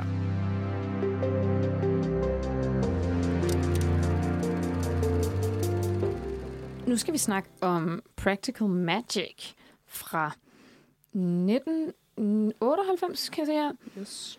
Og fra noget, som var all-round ubehageligt, så er det her øh, totalt en feel-good film. Eller det ved jeg ikke. Det er måske... Det, det det, nu overdriver jeg, hvad jeg kalde det totalt, men sådan, jeg fik det helt godt ind i. øhm, den handler om to hekse, øhm, spillet af Nicole Kidman og Sandra Bullock. Totalt legendarisk cast. øhm, hvis... Øhm, de er ligesom fra en lang familie af hekse. Og der, ligger, der hviler den her forbandelse over den her heksefamilie, hvor at hver gang en af kvinderne i den her familie elsker en mand, så dør han. Fordi at øh, der var øh, en kvinde, der var ved at blive øh, henrettet som heks. I, den starter jo med, med hekseforfølgelser. Den går Ja. hardcore ud og siger og handler om hekseforfølgelser. Og Den starter, klassiske amerikanske hekseforfølgelse. Altså Mm. ikke den engelske, men sådan der, hvad er det... Øh, og hvad den der by, som de altid snakker om? Nej, whatever. Salem. Salem, ja. Salem Witch Trials. Salem Witch Ja. Trials, ja. hvor at der er en, en af deres, de, de, de her, de, de her øh, hekses for, formødre, som øh, er ved at blive hængt, hvis nok. Øhm, og, øh, og der lægger de også stærkt ud med fra starten af, ligesom at, at vise noget af det, som vi også talte om i starten, at når folk blev henrettet, fordi de var hekse, så var det jo sådan lidt arbitrært. Eller de blev kaldt hekse. De, altså, det var jo sådan lidt, folk i byen kan ikke lide den her person. Og hvis der er nok, der ikke kan lide personen, så kunne man sige, at de var hekse, så kunne man få dem altså, henrettet. Ikke? Det var ligesom øh, efter 2. verdenskrig, så hvis der var nogen, man ikke kunne lide, så kunne man sige, at de var værnemager, så kunne man få dem smidt i fængsel. Øh, her var det så bare henrettet. Ikke? Og øhm, der var mange, der ikke kunne lide hende, fordi at, alle, at øh, der var mange kvinder i byen, der ikke kunne lide hende, fordi at deres mænd var forelskede i hende. Øhm, og, øh, og hun øh, overlever så det her hængningsforsøg på grund af Magic, og, så, og hun er så gravid, og så kommer hun så til at være formor for hele den her serie af hekse, men hun bliver så vred over, at en, den mand, hun elskede, ikke kommer, og øh, altså hun er gravid, da det her sker, ikke? og han kommer aldrig og redder hende, efter hun er flygtet fra byen, så derfor laver hun forbandelse om, at alle mænd, som øh, elsker og bliver elsket af en øh, kvinde i den her familie, vil dø. Og så, øh, så stakkel til Nicole Kidman og Sandra Bullocks øh, forældre er døde, fordi at faren døde på grund af den her forbandelse, og moren døde af sorg. Så øh, de skal opfostres hos deres to tanter, som er fantastiske. Rigtig gode tanter. Fantastisk De, altså, det, det, åh, jeg ville ønske, at det var mine tanter. Jeg ville ønske, at jeg var en af de tanter der. Altså, det er sådan, den ene af dem er spillet af hende, der spiller Rizzo i Grease. Nu kan jeg selvfølgelig ikke huske, hvad hun hedder, det er lidt pinligt. Men hun er fantastisk, og sådan, det her er jo også en film, der virkelig har gjort noget ud af, hvordan den ser ud. Altså sådan, kostymerne, og sådan, de har altid sådan nogle kæmpe store hatte på, og de er sådan enormt ekscentriske i deres måde at klæde sig på, de her to tanter. Og så øh, har de gjort noget ud af, at de sådan ligner hinanden, sådan så Sandra Bullock og Nicole Kidman, øh, der, der, er jo der er ligesom en mørkhåret og en rødhåret, og så er der også en mørkhåret og en rødhåret af tanterne, ja. og så Sandra Bullock får to piger, som også, hvor der også er en mørkhåret og en rødhåret. Det er som om, at de sådan spejler hinanden hele vejen ned. Og så bor de bare i det her sådan lidt hyggelige hus i sådan en eller anden lille landsby, og så laver de bare helt vildt mange, meget magi. Og landsbyen kan ikke lide dem, fordi de er hekse, så de sådan kaster sten efter dem og sådan nogle ting. Men de har det bare chilleren, og sådan drikker margaritas om, om, til ved midnat, og sådan... Altså, det er bare drømmen. Altså, jeg, jeg ser den her film, og var sådan, Nå, hvor vil jeg bare gerne være sådan en heksetante, der bor ude i, en, i et hus og, med min familie, og den, Ja. sådan, en, sådan et lille kvindekollektiv, hvor vi bare drikker margaritas og laver spells. Ja, fordi det er helt klart den del af filmen, der er den bedste del. Mm. Altså, det er, når de er i det der heksehus, og tanterne er der, og det er sådan noget. Øh, ja, de bliver hurtigt splittet op, føler jeg. Mm. Altså, så tager... Øh, Ja, de Ja, ja, bliver i hvert fald splittet op på tid. Ej, det, Ja. det er over halvvejs ind i filmen. Ja. At stadig hekserne, meget at tanterne rejser. Ja. Nå, jeg mener også mere bare sådan, altså du ved, altså, fordi plottet er jo, at så vokser de op til at blive til Nicole Kidman og, og øh, Sandra Bullock. Ja. ja. Øhm, og så er det Nicole Kidman, der tager til Los Angeles, og de, de bliver meget forskellige hekse, og de ved, det Ja, sådan, den kører lidt sådan en sense and sensibility ting med, at de har to forskellige form, for, forhold til kærlighed. Fordi det er jo den, den her film handler også meget om kærlighed. Det er også lidt en romantic comedy, samtidig med, at det er en heksefilm. Mm. Øhm, men sådan, den, øh, den arbejder sådan noget med kærlighed, at, at Sandra Bullock er sådan, jeg vil aldrig nogensinde forelske mig i nogen, fordi at øh, så dør de bare, og det kan, har jeg ikke lyst til. Og hvor Nicole Kidman er sådan, ej, jeg glæder mig til følelsen af at være forelsket. Altså, de starter sådan en rigtig sød scene, hvor de sidder som børn øh, op på trappen, og så kigger de ned på tanterne, der er ved at lave en love potion til en kvinde fra, fra landsbyen, der er kommet og sådan, ej, jeg kan slet ikke stoppe med at tænke på ham. Jeg er besat af tanken om ham. Kan vi ikke lave en potion, sådan, så han vil elske mig? Og, øh, og der er Sandra Bullocks reaktion er sådan, fuck, hvor vil jeg aldrig det der. Og Nicole Kidmans reaktion er, ej, hvor vil jeg gerne det der. Og det, Altså, det har vi jo faktisk et klip af. Nå, men det er jo Ja. perfekt. Så synes Ja. jeg, vi skal høre det. Det synes jeg da også lige, vi skal. I never fall in love. I hope I never fall in. I hope I never fall in love. I hope I never fall in love. I can't wait to fall in love. You will hear my call a mile away. You will whistle my favorite song. You can ride a pony backwards. What are you doing? Summoning up a true love spell called Amas Veritas. Ja, det er Sandra Bullocks karakter Sally som barn, der laver en true love spell. For, og så laver hun den så specifik, at hun tænker, sådan en mand kommer ikke til at eksistere nogensinde. Øh, for, og så bliver jeg aldrig forelsket. And then she's wrong. Mm. Øhm, så bliver hun faktisk forelsket to gange inden for en relativt kort film. Ja. Øhm, Og, og det er så også, altså jeg har nogle problemer med den her film, og det er ikke, altså heksedelen, og det er ikke hyggedelen af det, det synes jeg er rigtig fedt, men også for eksempel, jeg synes, hun, hun har en mand ret tidligt, som så dør, og hun får børn og det ene og det andet, og så føler jeg, at hurtigt hun kom væk fra det. Altså i forhold til, hvor meget hun er baseret på kærlighed, så føler jeg ikke rigtigt, der var en periode, hvor hun sådan var i sorg over, at hans mand døde. Meget kort, eller sådan... Yeah. Ja. men var det ikke bare et time jump? Det kan godt være, men jeg føler i hvert Fordi fald... hun altså, lå nede i sengen og var virkelig ked af det, og ville Det ikke stå op og sådan noget. Nå, jeg synes bare, det virkede som om, så en dag, så var hun ligesom... Og så var der Ja. margaritas, og så var alt godt. Nej, Ja. det, det var- det, det var den følelse, det var jeg fik i slet ikke sådan, jeg opfattede det. Okay, ja. Ej, hvor sjovt. Ja, det der er jo sådan, at hun ligger i sengen og græder hen i dynen hen over hovedet, og hendes datter kommer og sådan mm. prøver at mundre hende op, og hun bliver stadigvæk liggende, selvom hendes datter har været der, og hun rejser sig ikke op, før hendes søster kommer. Mm. Fordi det er jo også meget Ja. ja. en søsterfilm. Den handler virkelig meget... Ja. Altså, jeg, jeg er jo enebarn, ikke? Så jeg græd virkelig meget, mens jeg så den her film, og var sådan, jeg ville søster eller bror. Eller, Jeg kan godt fortælle, at det er ikke sådan, der er her søster i virkeligheden. Men Nå, okay. Men den, den romantiserer virkelig meget. Altså, det, er jo- det er jo noget af det, jeg synes er meget fint ved dens heksefortælling, det er, at den romantiserer relationer mellem kvinder. Ja. Altså, selvom det er en kærlighedsfilm, og jeg måske synes, den romantiserer det øh, heteroseksuelle kærlighedsforhold også lidt for meget, så synes jeg, at dens måde på at portrættere de her relationer mellem den, ja. de her Ja. kvinder, der er i familie med hinanden, Og det- er så fin. Det synes jeg måske også var det, altså det, det er det, jeg havde problem med netop. Jeg synes ikke, romancen var særlig spændende. Men, men den, pak, den der sådan hekserpak klassisk mm. med tanterne og søstrene og sådan noget, det synes jeg var super fedt. Altså Ja. det var hyggeligt, og det var rart, og det var sådan, de hjælper hinanden og sådan noget, og der er også problemer. Du ved, så er det Nicole Kidman, der får en, en, en kæreste, der er abusive, og så skal de slippe af med ham. Altså, Du ved, sådan, det hele Ja. det, det plottet handler om på det en synes jeg jo var det, der var sådan super fedt. Ja, det er det, som jeg godt kunne Ja, lide ved det. og, det, så, og det er jo også egentlig det, der er filmens plot, og så er det som om, de bare har skrevet den der kærlighedshistorie oveni, og det er sgu Ja. ja. lidt ærgerligt. det er ikke nødvendigt. Nej. Altså, Der jeg har ved sikkert godt, været en den handler test alt som screening, kærlighed. og så var de sådan, nej, men hun mister sin love interest så tidligt, der bliver nødt til at være en til, fordi ellers så... Ja, der, vi har hele to kvindelige hovedpersoner. De ene af dem er nødt til at ende sammen med en mand. Ja, det er det. Altså, God ikke. det, er sådan, det er sådan en film, der virkelig består Bechdel-testen. Ja. Ja. Der, det er kvinder, der snakker sammen hele filmen igennem. Og så sådan, skal vi alligevel have det der med, at hun har lavet en true love spell, og så til kalder hun en eller anden mand, og så skal han være perfekt. Og han er sådan... Han er jo ikke engang en del af filmens... Altså, plottets klimaks er jo, at de, de har... Øh, Nicole Kidmans mm, øh, har fået en kæreste. Nicole Kidman har er, er bare taget til Los Angeles for at party og blive ved med at falde for den ene idiotiske fyr efter den anden. Og den sidste, hun falder for, er så øhm, super nederen og abusive. Og hun ringer ligesom til Sandra Bullock og siger, Sally, come and get me. Øh, fordi at han har slået hende, ham der manden. Og så kommer hun så, og så øh, er han abusive igen, og så får de slået ham ihjel. Og så sådan går de i panik over, hvad de skal gøre, og så prøver de at vække ham fra de døde, og så er de nødt til at slå ham ihjel igen, fordi han prøver at slå Nicole Kidman ihjel, hvilket jeg synes er altså genialt, hvor kort tid han er vækket igen fra de døde, før mm. de er nødt til at slå ham ihjel igen. Det er bare sådan, han er bare et røvhul, altså. Ja. Øhm, og, og den storyline er jo ligesom filmens... Øhm, altså, det, er det er jo også lidt der, det, der er, er filmens konflikt, og det er det, der Ja. til sidst, og så kommer han tilbage, og han, sådan, han hjemsøger dem, og han kommer sådan og besætter Nicole Kidmans krop, og de er nødt til at lave sådan en... Øhm, samle et coven af hekse, eller af kvinder, til Ja. ligesom at befri øhm, Nicole Kidman fra den her onde ekskæreste, hvilket er sådan super fedt og symbolsk, det der med sådan en eller anden ond ekskæreste, der bare ikke vil, vil lade mm. hende være. Og sådan, at, der, at it, it takes a village. Ja. Er sådan Ja. helt vildt mange kvinder, sådan, som alle sammen kommer og sammen hjælper hende ud af det.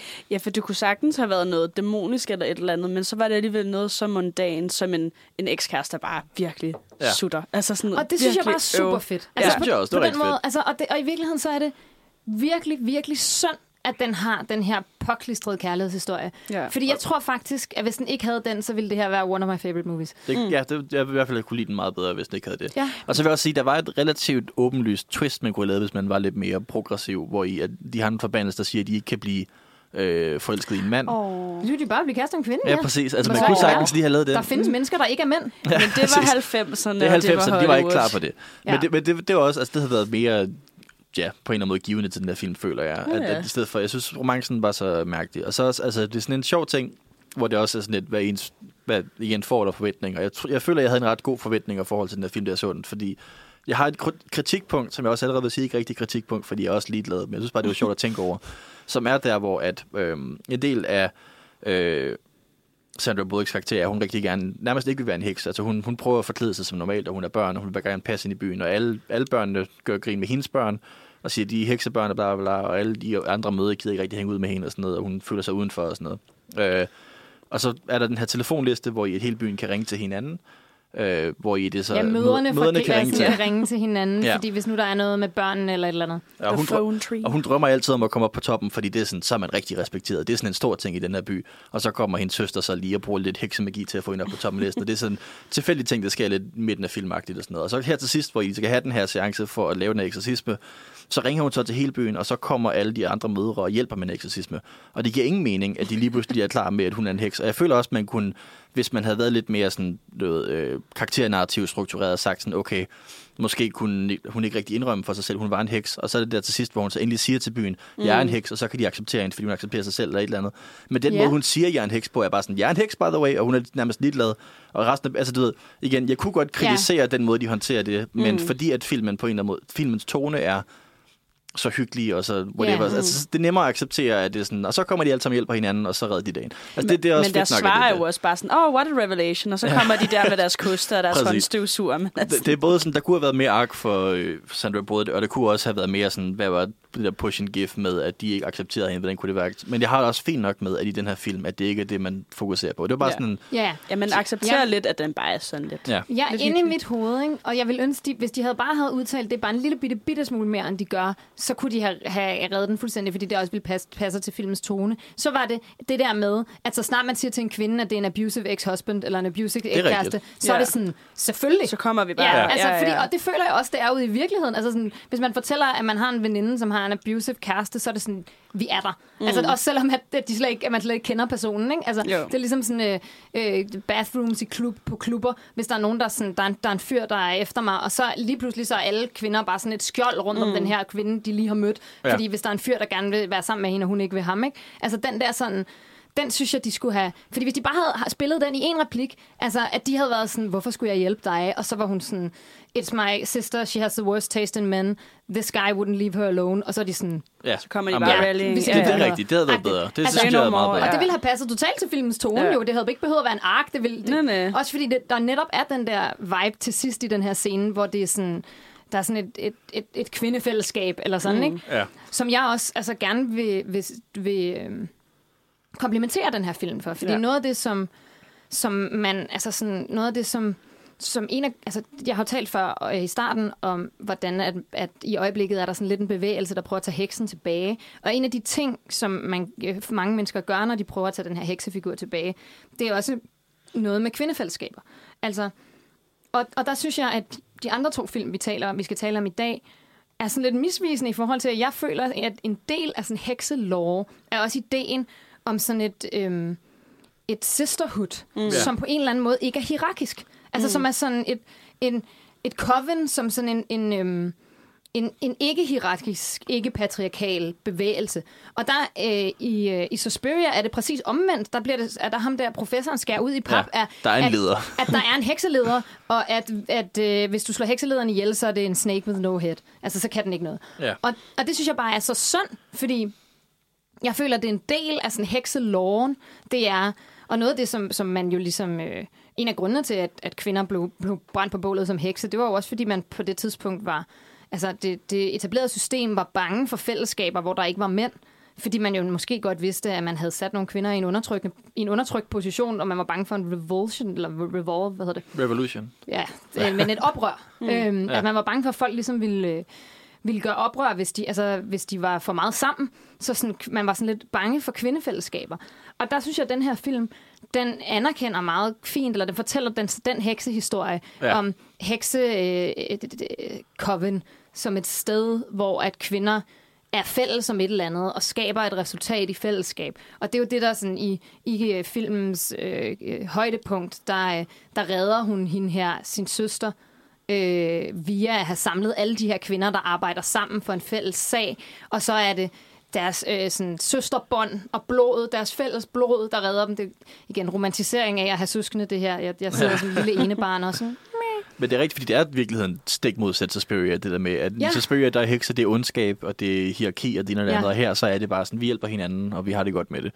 Ja, og det, det er også, jo meget, meget forskellige måder at portrættere hekse på, kan man jo sige. Mm. Og også, altså, det- hekse er også repræsenteret som øhm, folk, der sådan, kvinder, der øh, ikke har lyst til at ligne alle de andre. Altså, det er jo bare sådan kvinder, der går i mærkeligt tøj og har et sjovt, mærkeligt hus og bor sammen uden nogen mænd. Ja. Altså, og det er det, som resten af landsbyen synes er sådan lidt pudsigt.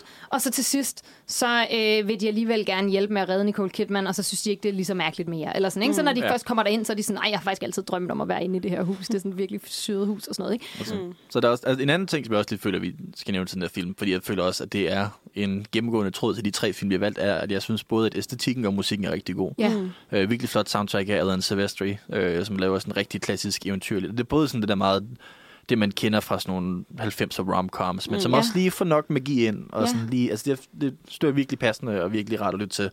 Øh, og så også nogle, nogle flotte billeder. Altså jeg har altid været sådan en, en hvad hedder det, en sokker for, for den der del af Amerika, hvor det er sådan Massachusetts eller Mm. hvad hedder det, øh, New England og alle de der steder, hvor Ja, det er sådan Connecticut-agtigt. Ja, præcis. Og, og nogle, nogle, nogle efterårsblade. Og, det, altså Ja. den, og det, det kan jeg rigtig godt lide også bare være i. Sådan, det, den her del af Amerika. Men det der bare sådan tæt på Salem og alle de der steder. Sådan, ja. og det synes jeg også var virkelig veludført. At det, det var sådan en... Øh, jeg synes, det var en mærkelig struktureret film på nogle punkter. Igen. Mm. Jeg synes, det, sådan arkmæssigt kunne jeg ikke rigtig altid følge med Nej. i, hvor, hvor karaktererne skulle hen. Øh, men at, at igen, sådan en film, hvor man også bare har det fint nok med at være der. Altså Ja. sådan, fordi det er hyggeligt. Og, Det er et virkelig dejligt sted at være. ja, Men jeg kunne også godt lide den måde, altså selve magien blev portrætteret i den her film. Øhm, fordi, som vi snakker om, Suspiria havde ikke så meget, der var så tydeligt alt efter, hvordan Der var ikke så meget magi. ser den, nej. Men med den her, jeg kan også godt lide, det ikke er sådan, hun lige kaster med fingrene, og så, så er der et eller andet, der, der letter, eller sådan. Der er godt nok nogle gange, hvor Sandra Bullock lige rører i sin kaffe, uden at Men hun gør ikke noget med fingeren. Hun sidder bare og holder Ja, en ja, kop kaffe, og så kører skeen bare rundt i Men jeg synes, det er meget fint, det igen er det der sådan lidt naturlige, at sådan, de bruger, så bruger de et blad fra en rose. Og sådan. Ja. Det synes jeg er ret fint. Og så, øhm, så havde jeg det ret sjovt over den scene, hvor de ligesom laver den der eksorcisme og skal have ekskæresten ud. At det kunne sagtens igen have været meget mere demoniserende og sådan, øh, meget mere magisk, hvordan de fik lukket ham ud. Men det, der egentlig bare skulle til, var, at de lige kom med hans yndlings tequila-flaske. Ja. øhm, og lige fik sådan, så tog Sandra Bullock lige et tequila shot, og så stod hun lige og rystede den Ja. foran Nicole Kidman, og det, det synes jeg bare var sådan ret fed ja. detalje. Ja. At det igen Men bare noget af var... det... Nej, undskyld. Nej, det er okay. Noget af det, jeg synes er allerfedest ved den her film, er jo den måde, den blander de her super øh, heksede ting, og som, som ligner noget fra gamle eventyr og sådan noget, med sådan everyday, hvis nu hvor det var en hverdagsheks. Ikke? Der er mm. også et tidspunkt, hvor de tegner et pentagram i flødeskum.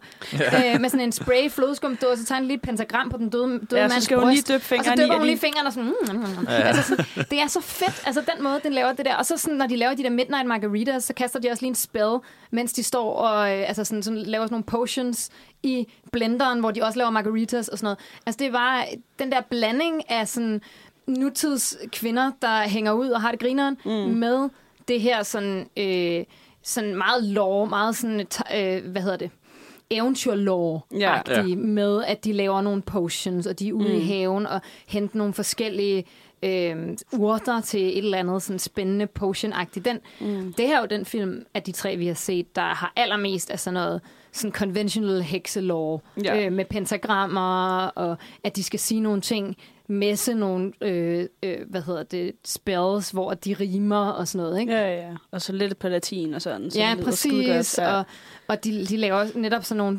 øh, rigtig mange af sådan nogle, øh, ja, potions. Mm. Det er meget grineren, at hun så finder job, Sandra Bullock, som i, hvor hun sælger sådan nogle cremer og sådan noget, og shampooer, fordi at, at det er jo Moderne også en slags potions. Ja. Altså, og det synes jeg bare er vildt fedt.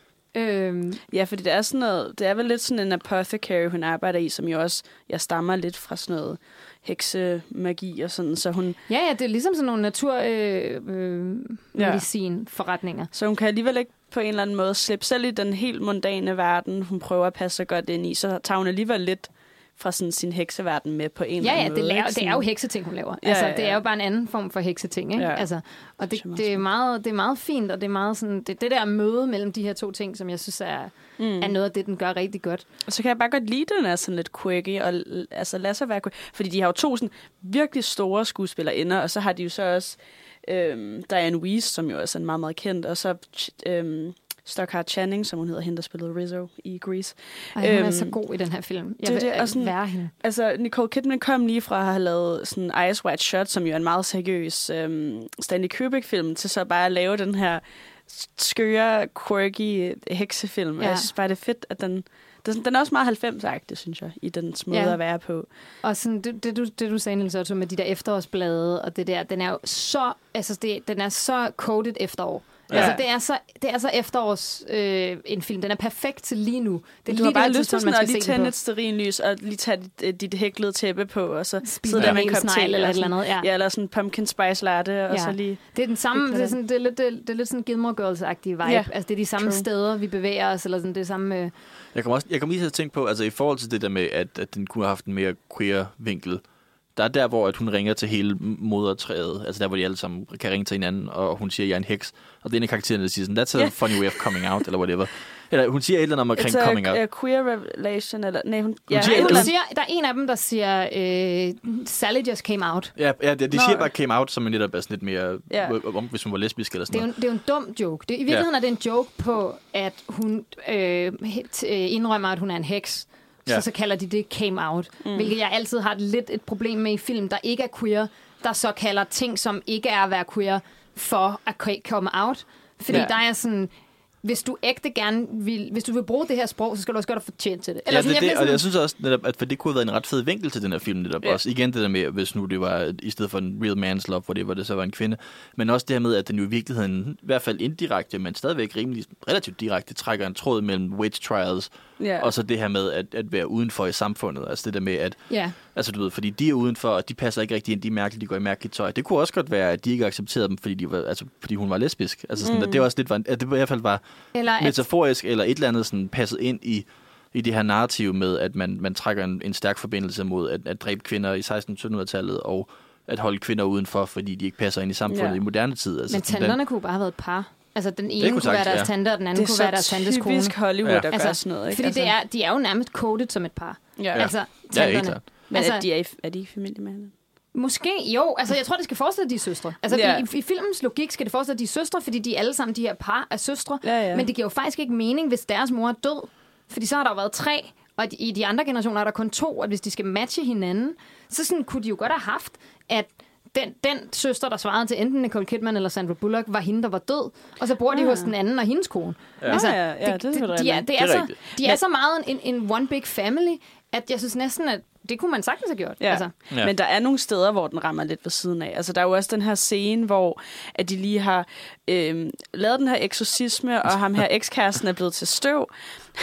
og så er der en af de her kvinder, der... Nu kan jeg ikke huske, hvad hun siger. Men til Let's Clean House. ja, Eller let's get to sweeping, eller et eller andet. Ja, Lidt til Let's. Clean House, fordi jeg skrev ja. ned. Og så står der simpelthen bare 12 kvinder, og så skal de feje det her støv ud, og de har aldrig været så glade. Altså, de Nej. er så glade over, at de får lov Ja. til at feje det her Det støv ud. var, og det var meget Og det var sådan bare en sådan, joke på, gør rent. Det er sådan noget, kvinder Ja, gør. kvinder altså, det, det, var så, det, var, det lød Ja. bare så lidt... Det lød så skrevet af en mand. Men jeg føler også, at det er lidt en joke. Altså, det er skrevet af en mand, for det første, og det er et følelse som. Men jeg føler også lidt, det var en joke på det der med, at hekse har, hvad er det, brooms. Nå ja, ja, det er Altså, fordi, du de lige har brugt kostene. Ja, ja, altså, præcis. det, det, joken, jeg kan godt forstå, Ja. hvorfor de gerne vil have den joke med. Men fordi de de, lige har bare- brugt kostene Men- til et men det- ritual. og så er det sådan, nu står vi alligevel med kostene i hånden, og så skal vi gøre rent. Men, men det er netop bare sådan på en eller anden måde, ikke en hel punktering, i hvert fald en halv punktering af det her sådan, Åh, feministisk, vi arbejder sammen for at du ved, hjælpe vores, den her kvinde, som er i abusive relationship. Lad os fejre det, og så nu skal vi gøre rent. Jamen, det er også fordi, de det, er bare, så det, det kommer lige Ja. efter.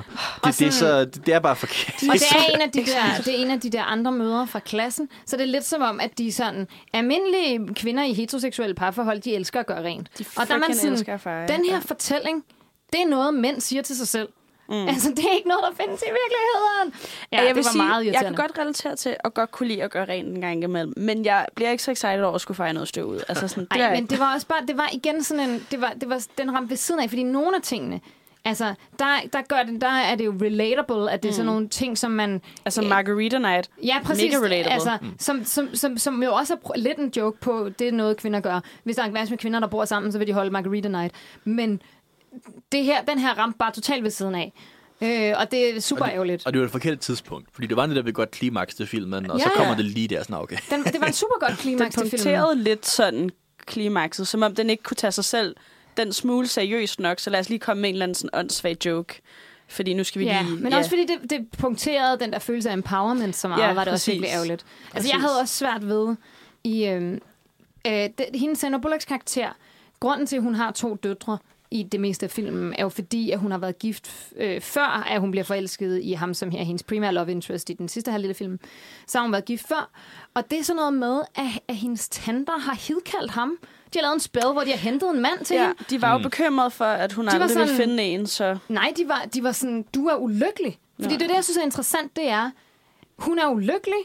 Den eneste måde, at man kan ordne en kvindes lykke på, det er at finde en mand til hende.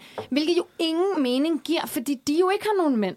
Og mm. de er super lykkelige. Og ja. De har det mega fedt, og de tager til Solstes øh, solværvsfest og danser nøgen under fuldmånen. Der er fuldstændig genial replikudveksling, hvor at de, ta- tanterne tager de to døtre med, og Sandra Bullock siger, I don't want them dancing naked under the full moon. Og så siger tanten, of course honey, nudity is entirely optional. altså sådan, bare sådan, det lyder så fedt med de der solværvsritualer, de, så ja. Ja. og de har det jo mega godt. Og den lykke, vi har set indtil da i det hus, også da de voksede op, pigerne, det er sådan noget, og så spi- får de bare øh, chokoladekage til morgenmad, mm. og de hænger bare ud og har det sådan dejligt sammen alle sammen.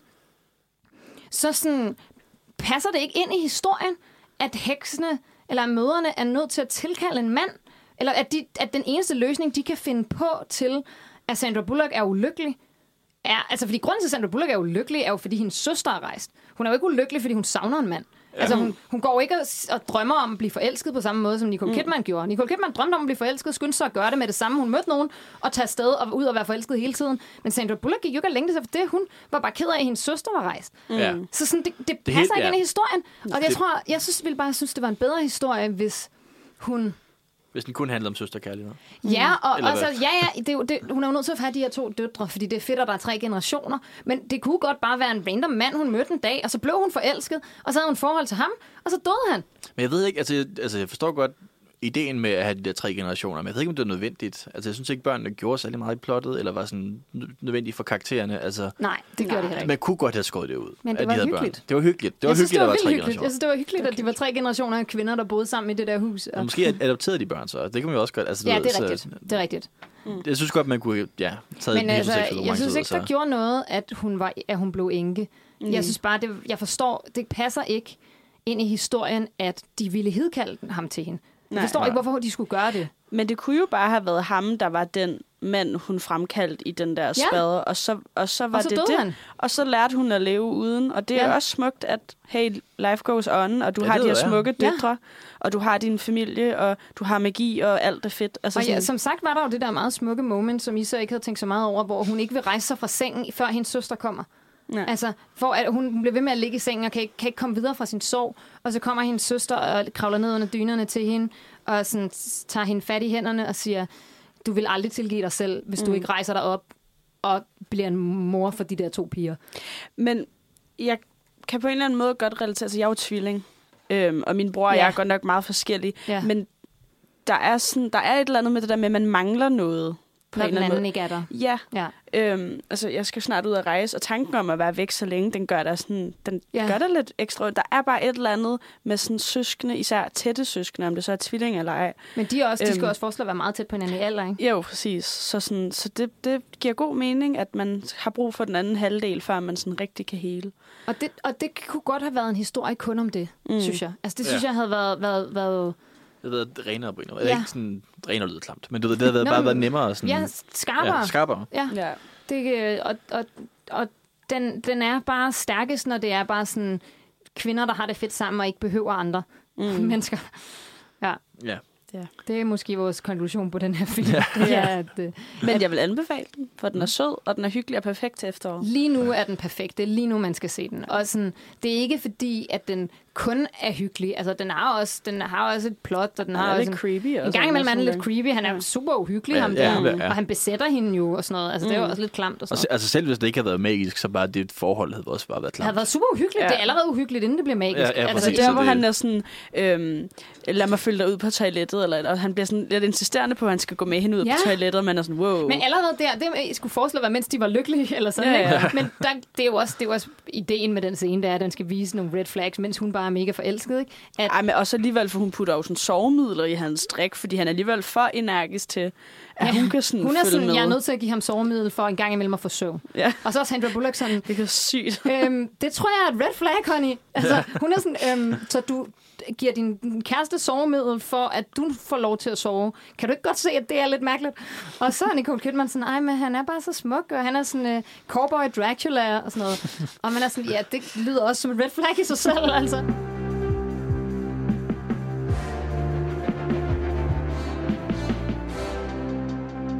Vi skal snakke om den danske film Vildheks fra 2018, øhm, som er en filmatisering af nogle Lene Kåberbøl-romaner, børnebøger. Øhm, vil du lige give lynhurtigt resume, Niels Otto? Ja, øh, det vil jeg gerne. Øh, den handler om den unge, tror 12-årige Clara, som går i skole og ikke rigtig passer ind. Hun har lidt mærkeligt med det. Der er nogle tavlige piger, der er en stille dreng, Ja, som der er hun... nogle onde popular girls. Ja, onde popular girls, ja. always onde popular Ja, girls. det, det, er meget, det er meget typisk. Øhm, og så finder hun ud af, at hun er en vildheks. Og så tager hun til en vildheksskole. Og så hænger hun ud på en vildheksskole. Samtidig med, at der er en ond heks, der gerne vil have hendes blod. Og så på et eller andet tidspunkt, så slutter filmen. øh, det, Jamen, det er rigtigt. og, og det er sådan, altså det, det, det er en sjov film. Nu har jeg, altså, jeg tror ikke, nogen af os, der har læst Vildheksbøgerne. Der er mm. seks af dem, og jeg så en anden på internettet sige, at den her film er sådan en sammenkobling af fem af dem. Øh, eller i hvert fald har taget ting fra mange af dem. Øh, og, og det føles også, altså, det føles meget som en bogfilmatisering, der ikke helt vidste, hvad den skulle med bøgerne. Altså, der er rigtig, rigtig meget worldbuilding. Der er rigtig meget sådan, så forklarer de, hvad vildhekse gør, og hvordan magien fungerer, og hvem den her person er, og historien bag det hele og sådan noget. Mm. Og, og, og der er ikke så meget plot.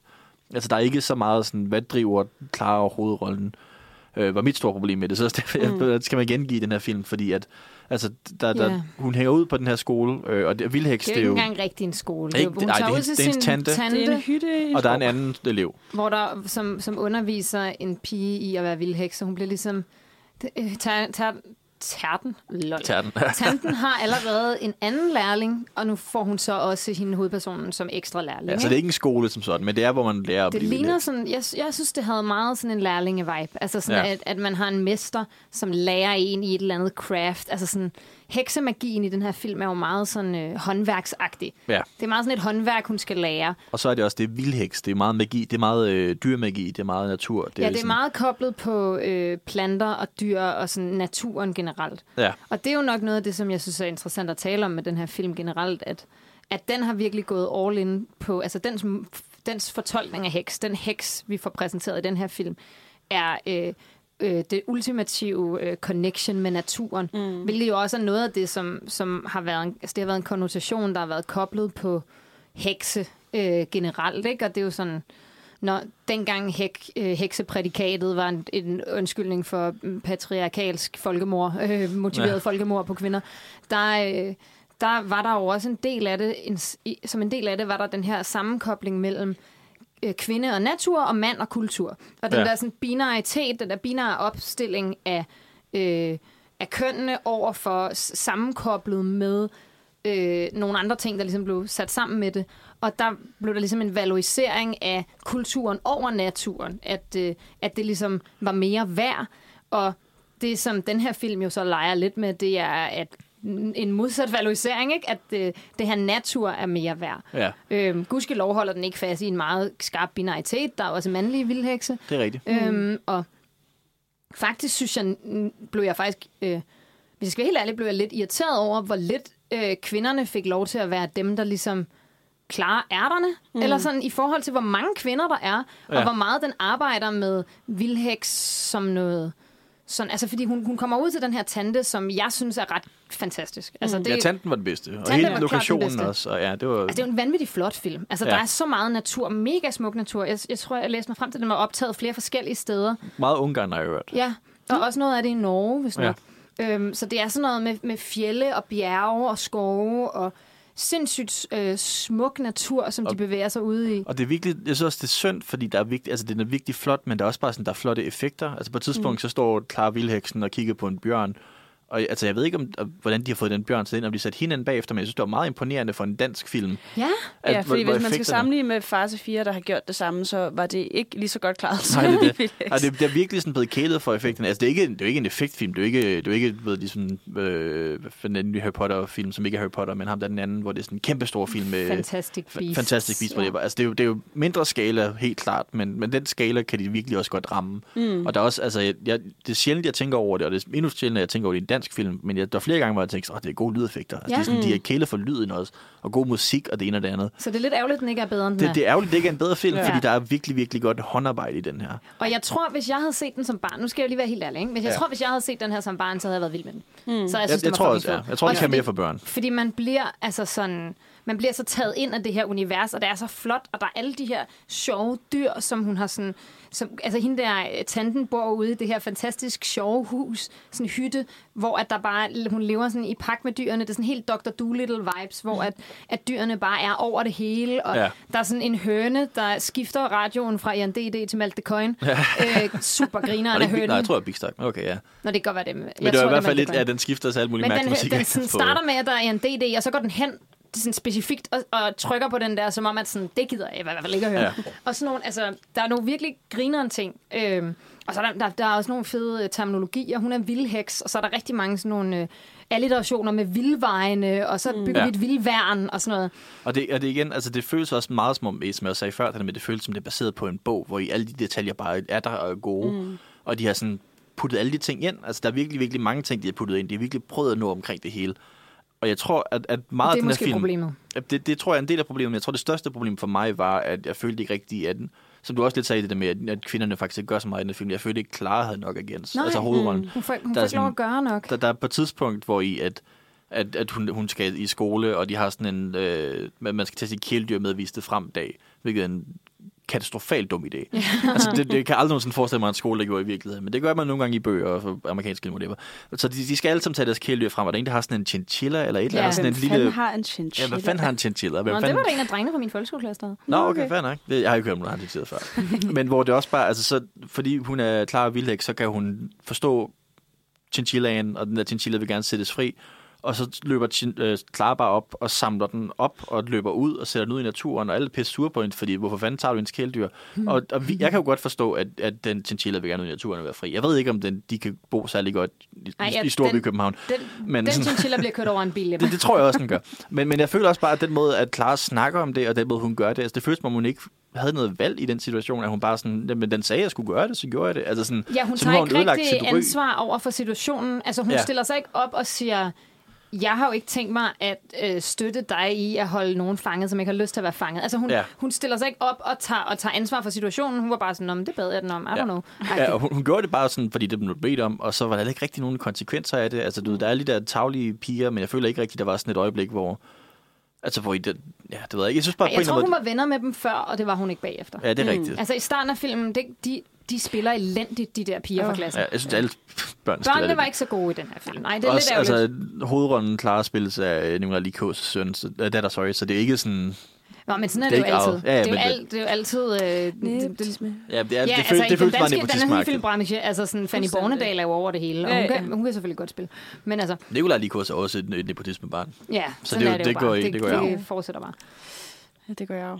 Men ja, altså, jeg, jeg, synes, øh, jeg synes også, det var ærgerligt, at den ikke var bedre. Altså, jeg, jeg tror, jeg kunne forestille mig på baggrund af, hvor spændende et univers, jeg synes, det er, at bøgerne sikkert er mega gode, som sådan nogle teenage børne fantasy bøger. Ja. Men jeg forstår heller ikke, hvorfor du tager en bogserie. Og så, altså, det er jo sikkert, fordi de har været i tvivl om, hvorvidt den vil blive succesfuld nok. Men så har jeg sådan sats på den første bog. Sats på, at den er nok til filmatisering. Og så Ja. ja. hvis den ikke bliver en succes ja. efter, men hvis den så gør, så har du stadig mere materiale. Altså fordi den, den, den prøver for meget at proppe for mange ting i. Og de er alle sammen sådan relativt spændende elementer. Men fordi de ikke har tid nok til at dvæle ved dem eller forklare dem, så, så ender man tit med sådan en, "Åh, okay. Ja, det, det, den, er, altså, den, den, den er som om, at den, træk, den peger i nogle retninger, som den, den smider nogle bolde op i luften, som den ikke får pillet ned igen. Mm. Og det er som om, den ikke har været helt skarp på, hvad fra bøgerne den har... Altså, det, man er nødt til at tage en meget hård beslutning om, hvad vil man have med, og hvad vil man ikke have med. Ja. Og der har der måske været uenighed i, på, i the, the writer's room, om hvad vi vil have med, eller et eller andet. Men der er, sådan, der, der er sådan lidt en vibe af, at der er nogle ting, som ikke... For eksempel hende, den anden lærling der, fortæller, at hendes mor øhm, er forsvundet i på vildvejene. Og så er jeg sådan, okay, men så skal vi jo ud og finde hendes mor på vildvejene. Selvfølgelig skal vi det. Ja. Og så sker det bare ikke. Og jeg ved ikke, om det er, fordi de har forventet, at de vil lave en toer, hvor de så fortæller den sidste bog, og man så får det i den, at de har Ja, for det havde jo været sindssygt spændende. Det er jo sådan et uh, Ant-Man Quantumania-ting-agtigt, at man skal ud og Ja, finde nogen, der sidder fast et sted. Altså, Ja. Men jeg synes også, bare sådan i, altså i, i klimakset af filmen, som det er jo det, den sjovt nok bygger op til, ja, det er super undervældende. Den er bare sådan, altså det er overstået på, hvad, fem minutter af filmen eller et eller andet, og Ja. det er sådan, hun havde nærmest ikke behøvet at være der. Altså, hun får ikke lov til at gøre særlig meget. Det er i, Niels Og hun, og, ja, hun vidste heller ikke rigtig, hvem skurken var. Så, altså, hun ved godt lidt om skurken, men det er ikke sådan, der er den nej, her og onde vi får heks. ikke forklaret, hvorfor er det hende? Hvor, altså, Ja. Fordi vi får hele tiden at vide, at hun er den udvalgte, men på intet tidspunkt forklarer den, hvad det er, der gør, at hun er den udvalgte. Altså, der, er- altså sådan, der er ingen forklaring på, hvorfor det er, at hun er så speciel som Mildheks.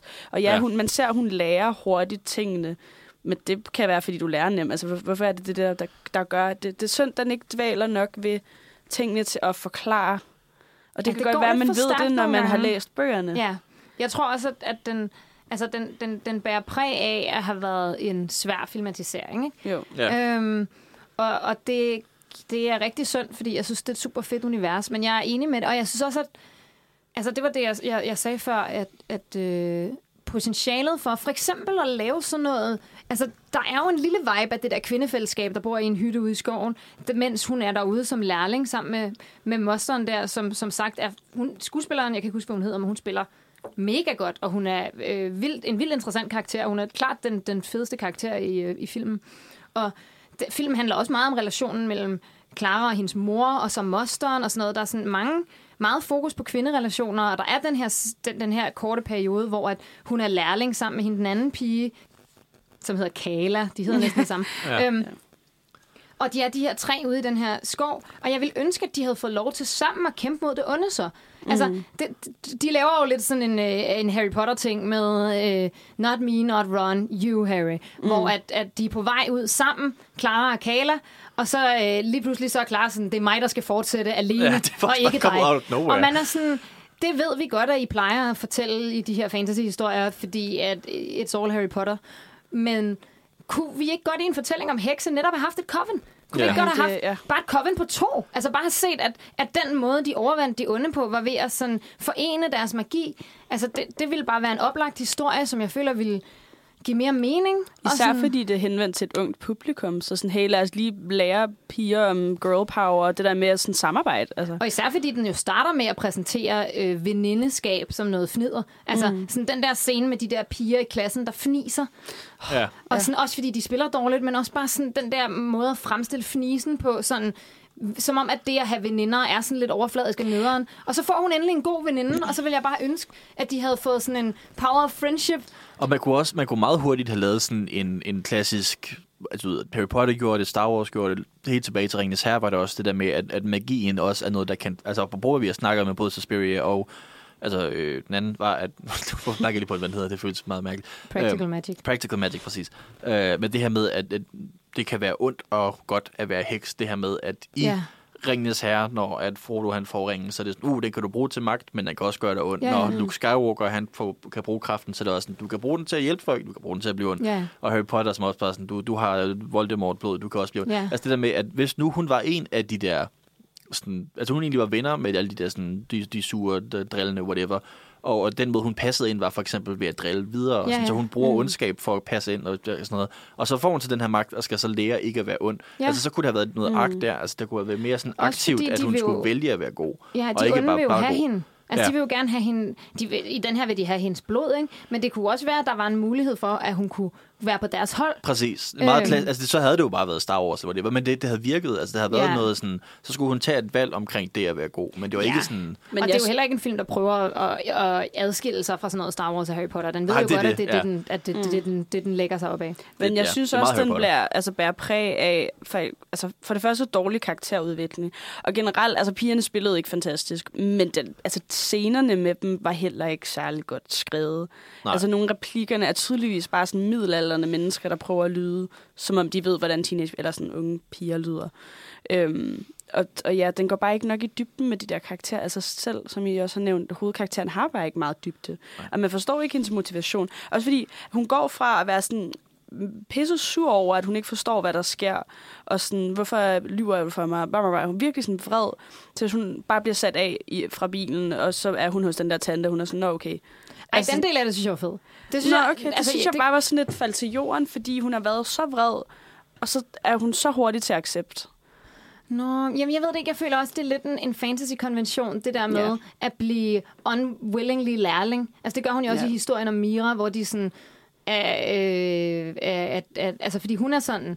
Hun siger hele tiden til sin mor, jeg vil have sandheden, jeg vil have sandheden, fortæl mig nu sandheden. Og så er hun sådan, okay, hvis du vil have sandheden, så skal du fandme arbejde for den. altså, det synes jeg, det synes jeg også er, det synes jeg faktisk er en meget fed genrekonvention, som de laver sådan nogle fantasy-fortællinger en gang imellem. Det der med, at at så øh, de, vil, de vil gerne vide mere om den her magiske verden, og så er det sådan, jamen det er faktisk også et håndværk, du skal lære. Ja. Og så er hun sådan, altså hun, fordi hun er jo ikke, jeg synes egentlig ikke, hun er reluctant. Altså, hun er, hun er forvirret, men hun vil jo gerne have svar, hun er jo videbegærlig. Mm. Altså, og det er jo det mor, det er jo en måde at give hende svar på. Moren er sådan, jeg kan ikke overskue det der magic, men øh, der er en her, der kan give dig svar, men så er du nødt til at arbejde for føden. Men ja. Jeg tror bare, det mere var sådan, hvordan det var skrevet på. Altså, fordi det giver jo god mening, hvad du siger. Jeg synes bare, jeg tror også måske, det var lidt sådan klippearbejdet, manuskriptet. Men det går også meget stærkt. Altså, ja, Ja. også fordi den er altså meget tight halvanden time. Den kunne sagtens have været to timer. Især når du vælger at tage fem bøger og gøre den Men er det virkelig det? Det, det, det, det har jeg ikke lige kunne finde frem til nogen. Altså fem bøger, altså det igen, jeg har kun hørt det fra en, en anmeldelse online, så det er Ja, okay. sådan, men jeg kan også, nu, nu sad jeg bare lige og læste igennem øh, resuméet af, af nogle af bøgerne her, fordi de er også korte resuméer. Jeg tror, det er meget korte bøger. ja. Jeg tror Ja, ja, ikke, okay. at det er sådan, du ved, 600 sides bog. Det er ikke sådan Harry. Potter. Nej, Nej, okay, fordi altså, jeg kan se her, at den første bog, den slutter med, at hun kommer til skolen. Eller kommer til tanten. Ja, okay. Ja, okay. Så, så det leder op til, så det er sådan, altså du ved, det, Ja. ja. jeg tror, Ja, det er nogle okay. korte historier, de har taget, men det er stadigvæk, altså så, igen, Men jeg synes Men så, der så, så, måske, så skulle det have været en tv-serie måske. Ja. Så kunne det have været episoder, hvor man slutter på de samme punkter. Ja.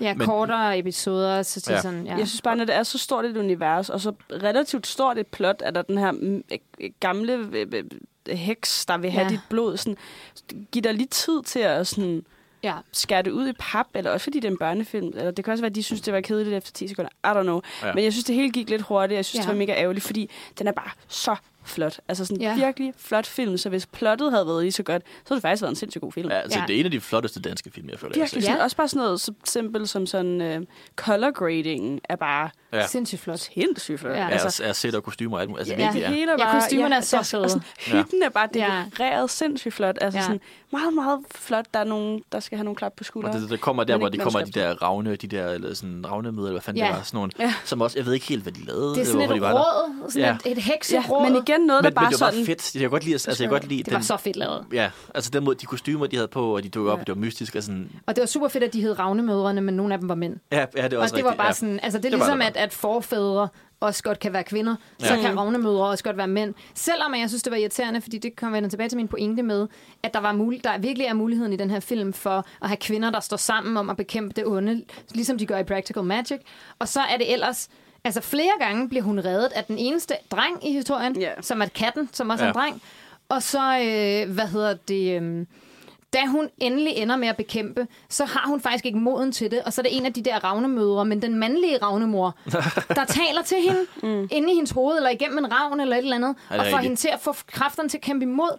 Og der var jeg sådan, det er totalt fjollet, mm. At det er ham, der får hende, der, også fordi hun kender ham ikke. Hvorfor Nej. er det ham, der giver hende kræfterne? Hvorfor er det ikke tanten? Altså, Ja, eller moren, eller Ja. hende den anden. pige. Kunne de lige få Ja. sådan en connection, Altså, så hun kunne hvorfor, snakke til hvor, hende? der Ja. er så få mænd i den her film. Hvorfor er det dem, som gør hende i stand til at gøre noget? Altså, hun, som sagt, hun har ikke særlig meget agens. Hun tager ikke så mange beslutninger, hun tager ikke så meget ansvar. Når hun gør, så er det direkte motiveret af en mand.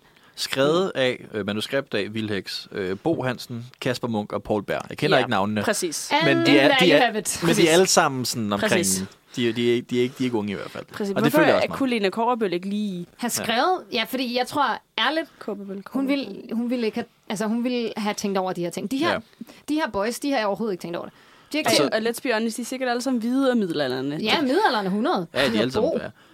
For så, Øh, Paul Berg, det er også lidt sjovt, for jeg synes også meget, at dialogen mindede mig om julekalender. Og Paul Berg har faktisk været med til at skrive øh, Absalons det. Hemmelighed. Yes. Ja, okay, ja. Yes, yes. Og jeg kan Der er egentlig godt lide Absalons Hemmelighed. Men der er, der er et andet sådan... Ja, det Jeg kunne, det kunne godt have været lide Hun julekalender, spiller også, vil jeg så Altså- sige, godt. Altså hende i Absalons Hemmelighed. Det er rigtigt, ja. Men man kunne sagtens, at man kunne dele den op i 24 episoder, og så, så den foregik i december, og så havde det været en julekalender. Ja, altså, det, totalt. Det ikke engang Plottet løgn. passer mig. Man skulle lige have fundet sådan, åh, de skrev juleaften ind på en eller anden måde, men ellers så kunne man sagtens... ja. Ja. Øhm, og så kan man også til at tænke på, altså en af de ting, som vi snakkede om helt tilbage i introen, var det her med, med hekse som sådan en form for befrielse og sådan noget.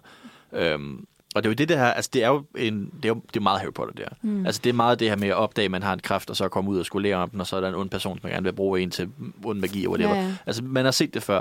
Men Harry Potter normal tilværelse er jo så skrækkelig, sådan så at det, han opdager i den her magiske verden, er en befrielse. Ja. Hvorimod, at hendes mor er okay.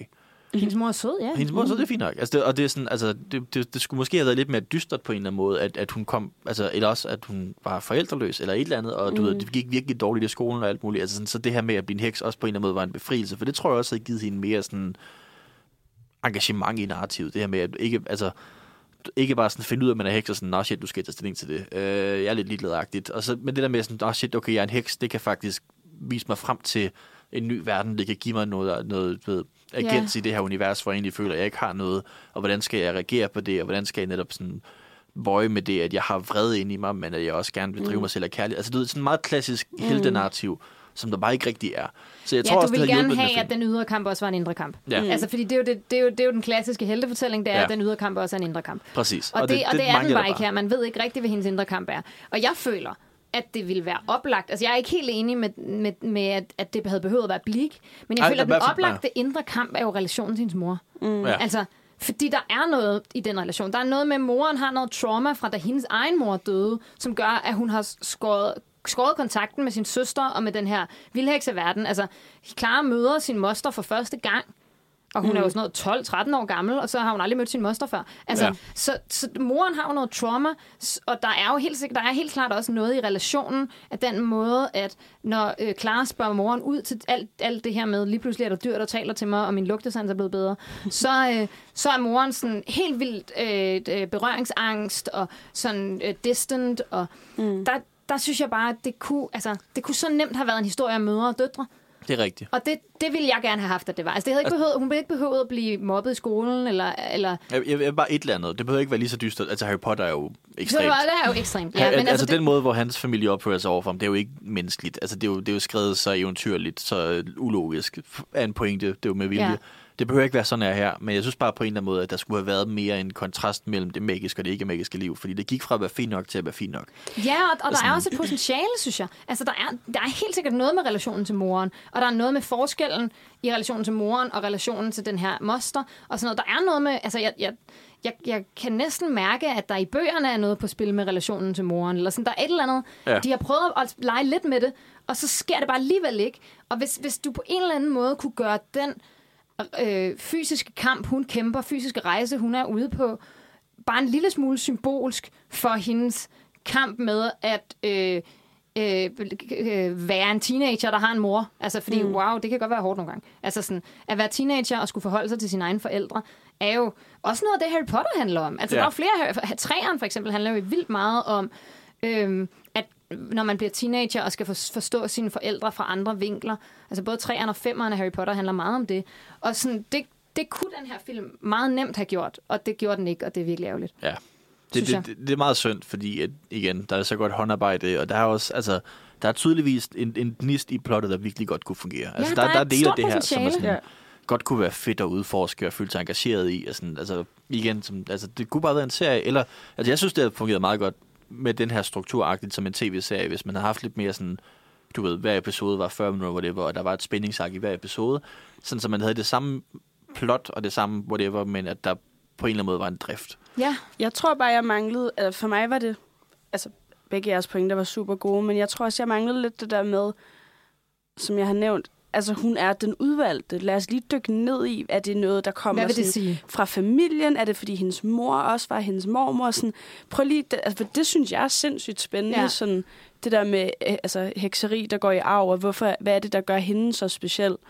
Øhm, og det kunne bare have været, tror jeg, sindssygt spændende at dykke ned i også. Øhm, men det spiller jo nok ind i, at man bare skulle have haft mere tid, som for eksempel, hvis det var en serie. Men der, den har bare så mange potentielle ting, der kunne være sindssygt Ja. vigtige, og den lader dem bare alle sammen gå tabt for et plot, der egentlig ikke er særlig...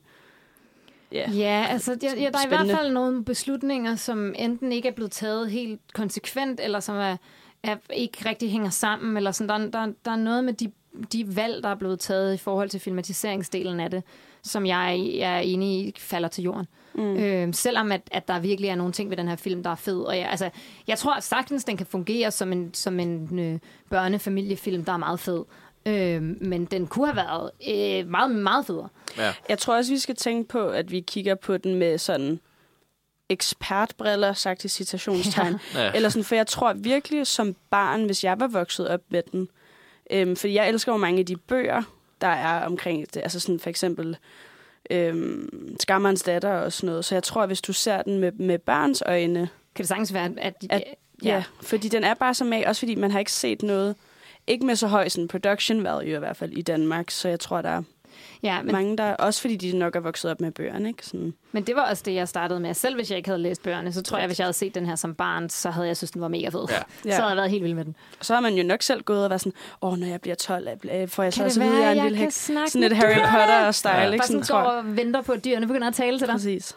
Det er jo også Ja. drømmen, når man er en 10-årig pige, det er, at Det er det. dyrene begynder at tale med dig. At du kan tale med dyrene. Et lille kudos for mig til gengæld. er, Jeg var meget, meget glad for, de der dyr ikke sådan faktisk begyndte at snakke. For jeg har lidt en pet peeve. Med talende dyr? Ja. Det kommer an på filmen, men, Ja. ja. men lige der tror jeg bare, jeg ville synes, det var sådan lidt... Men talende dyr er fucking irriterende. Det, er det, det, irriterende. det, er- det, det kan godt være fedt. Altså, men animationsfilm, far. Det, nej, ja, ja. Men, men altså, sådan det, her det vil er jeg bare... Og så står hun der og snakker med sådan den der ule eller sådan. Jeg synes, det var så fint, at den godt kunne være sådan lidt cocky, men uden at den faktisk talte. Ja, det ja, synes og jeg, den- det var er ret fint. der ikke kunne lide en, en DD og sådan noget. Der kan man jo godt se, hvad der, er, der sker.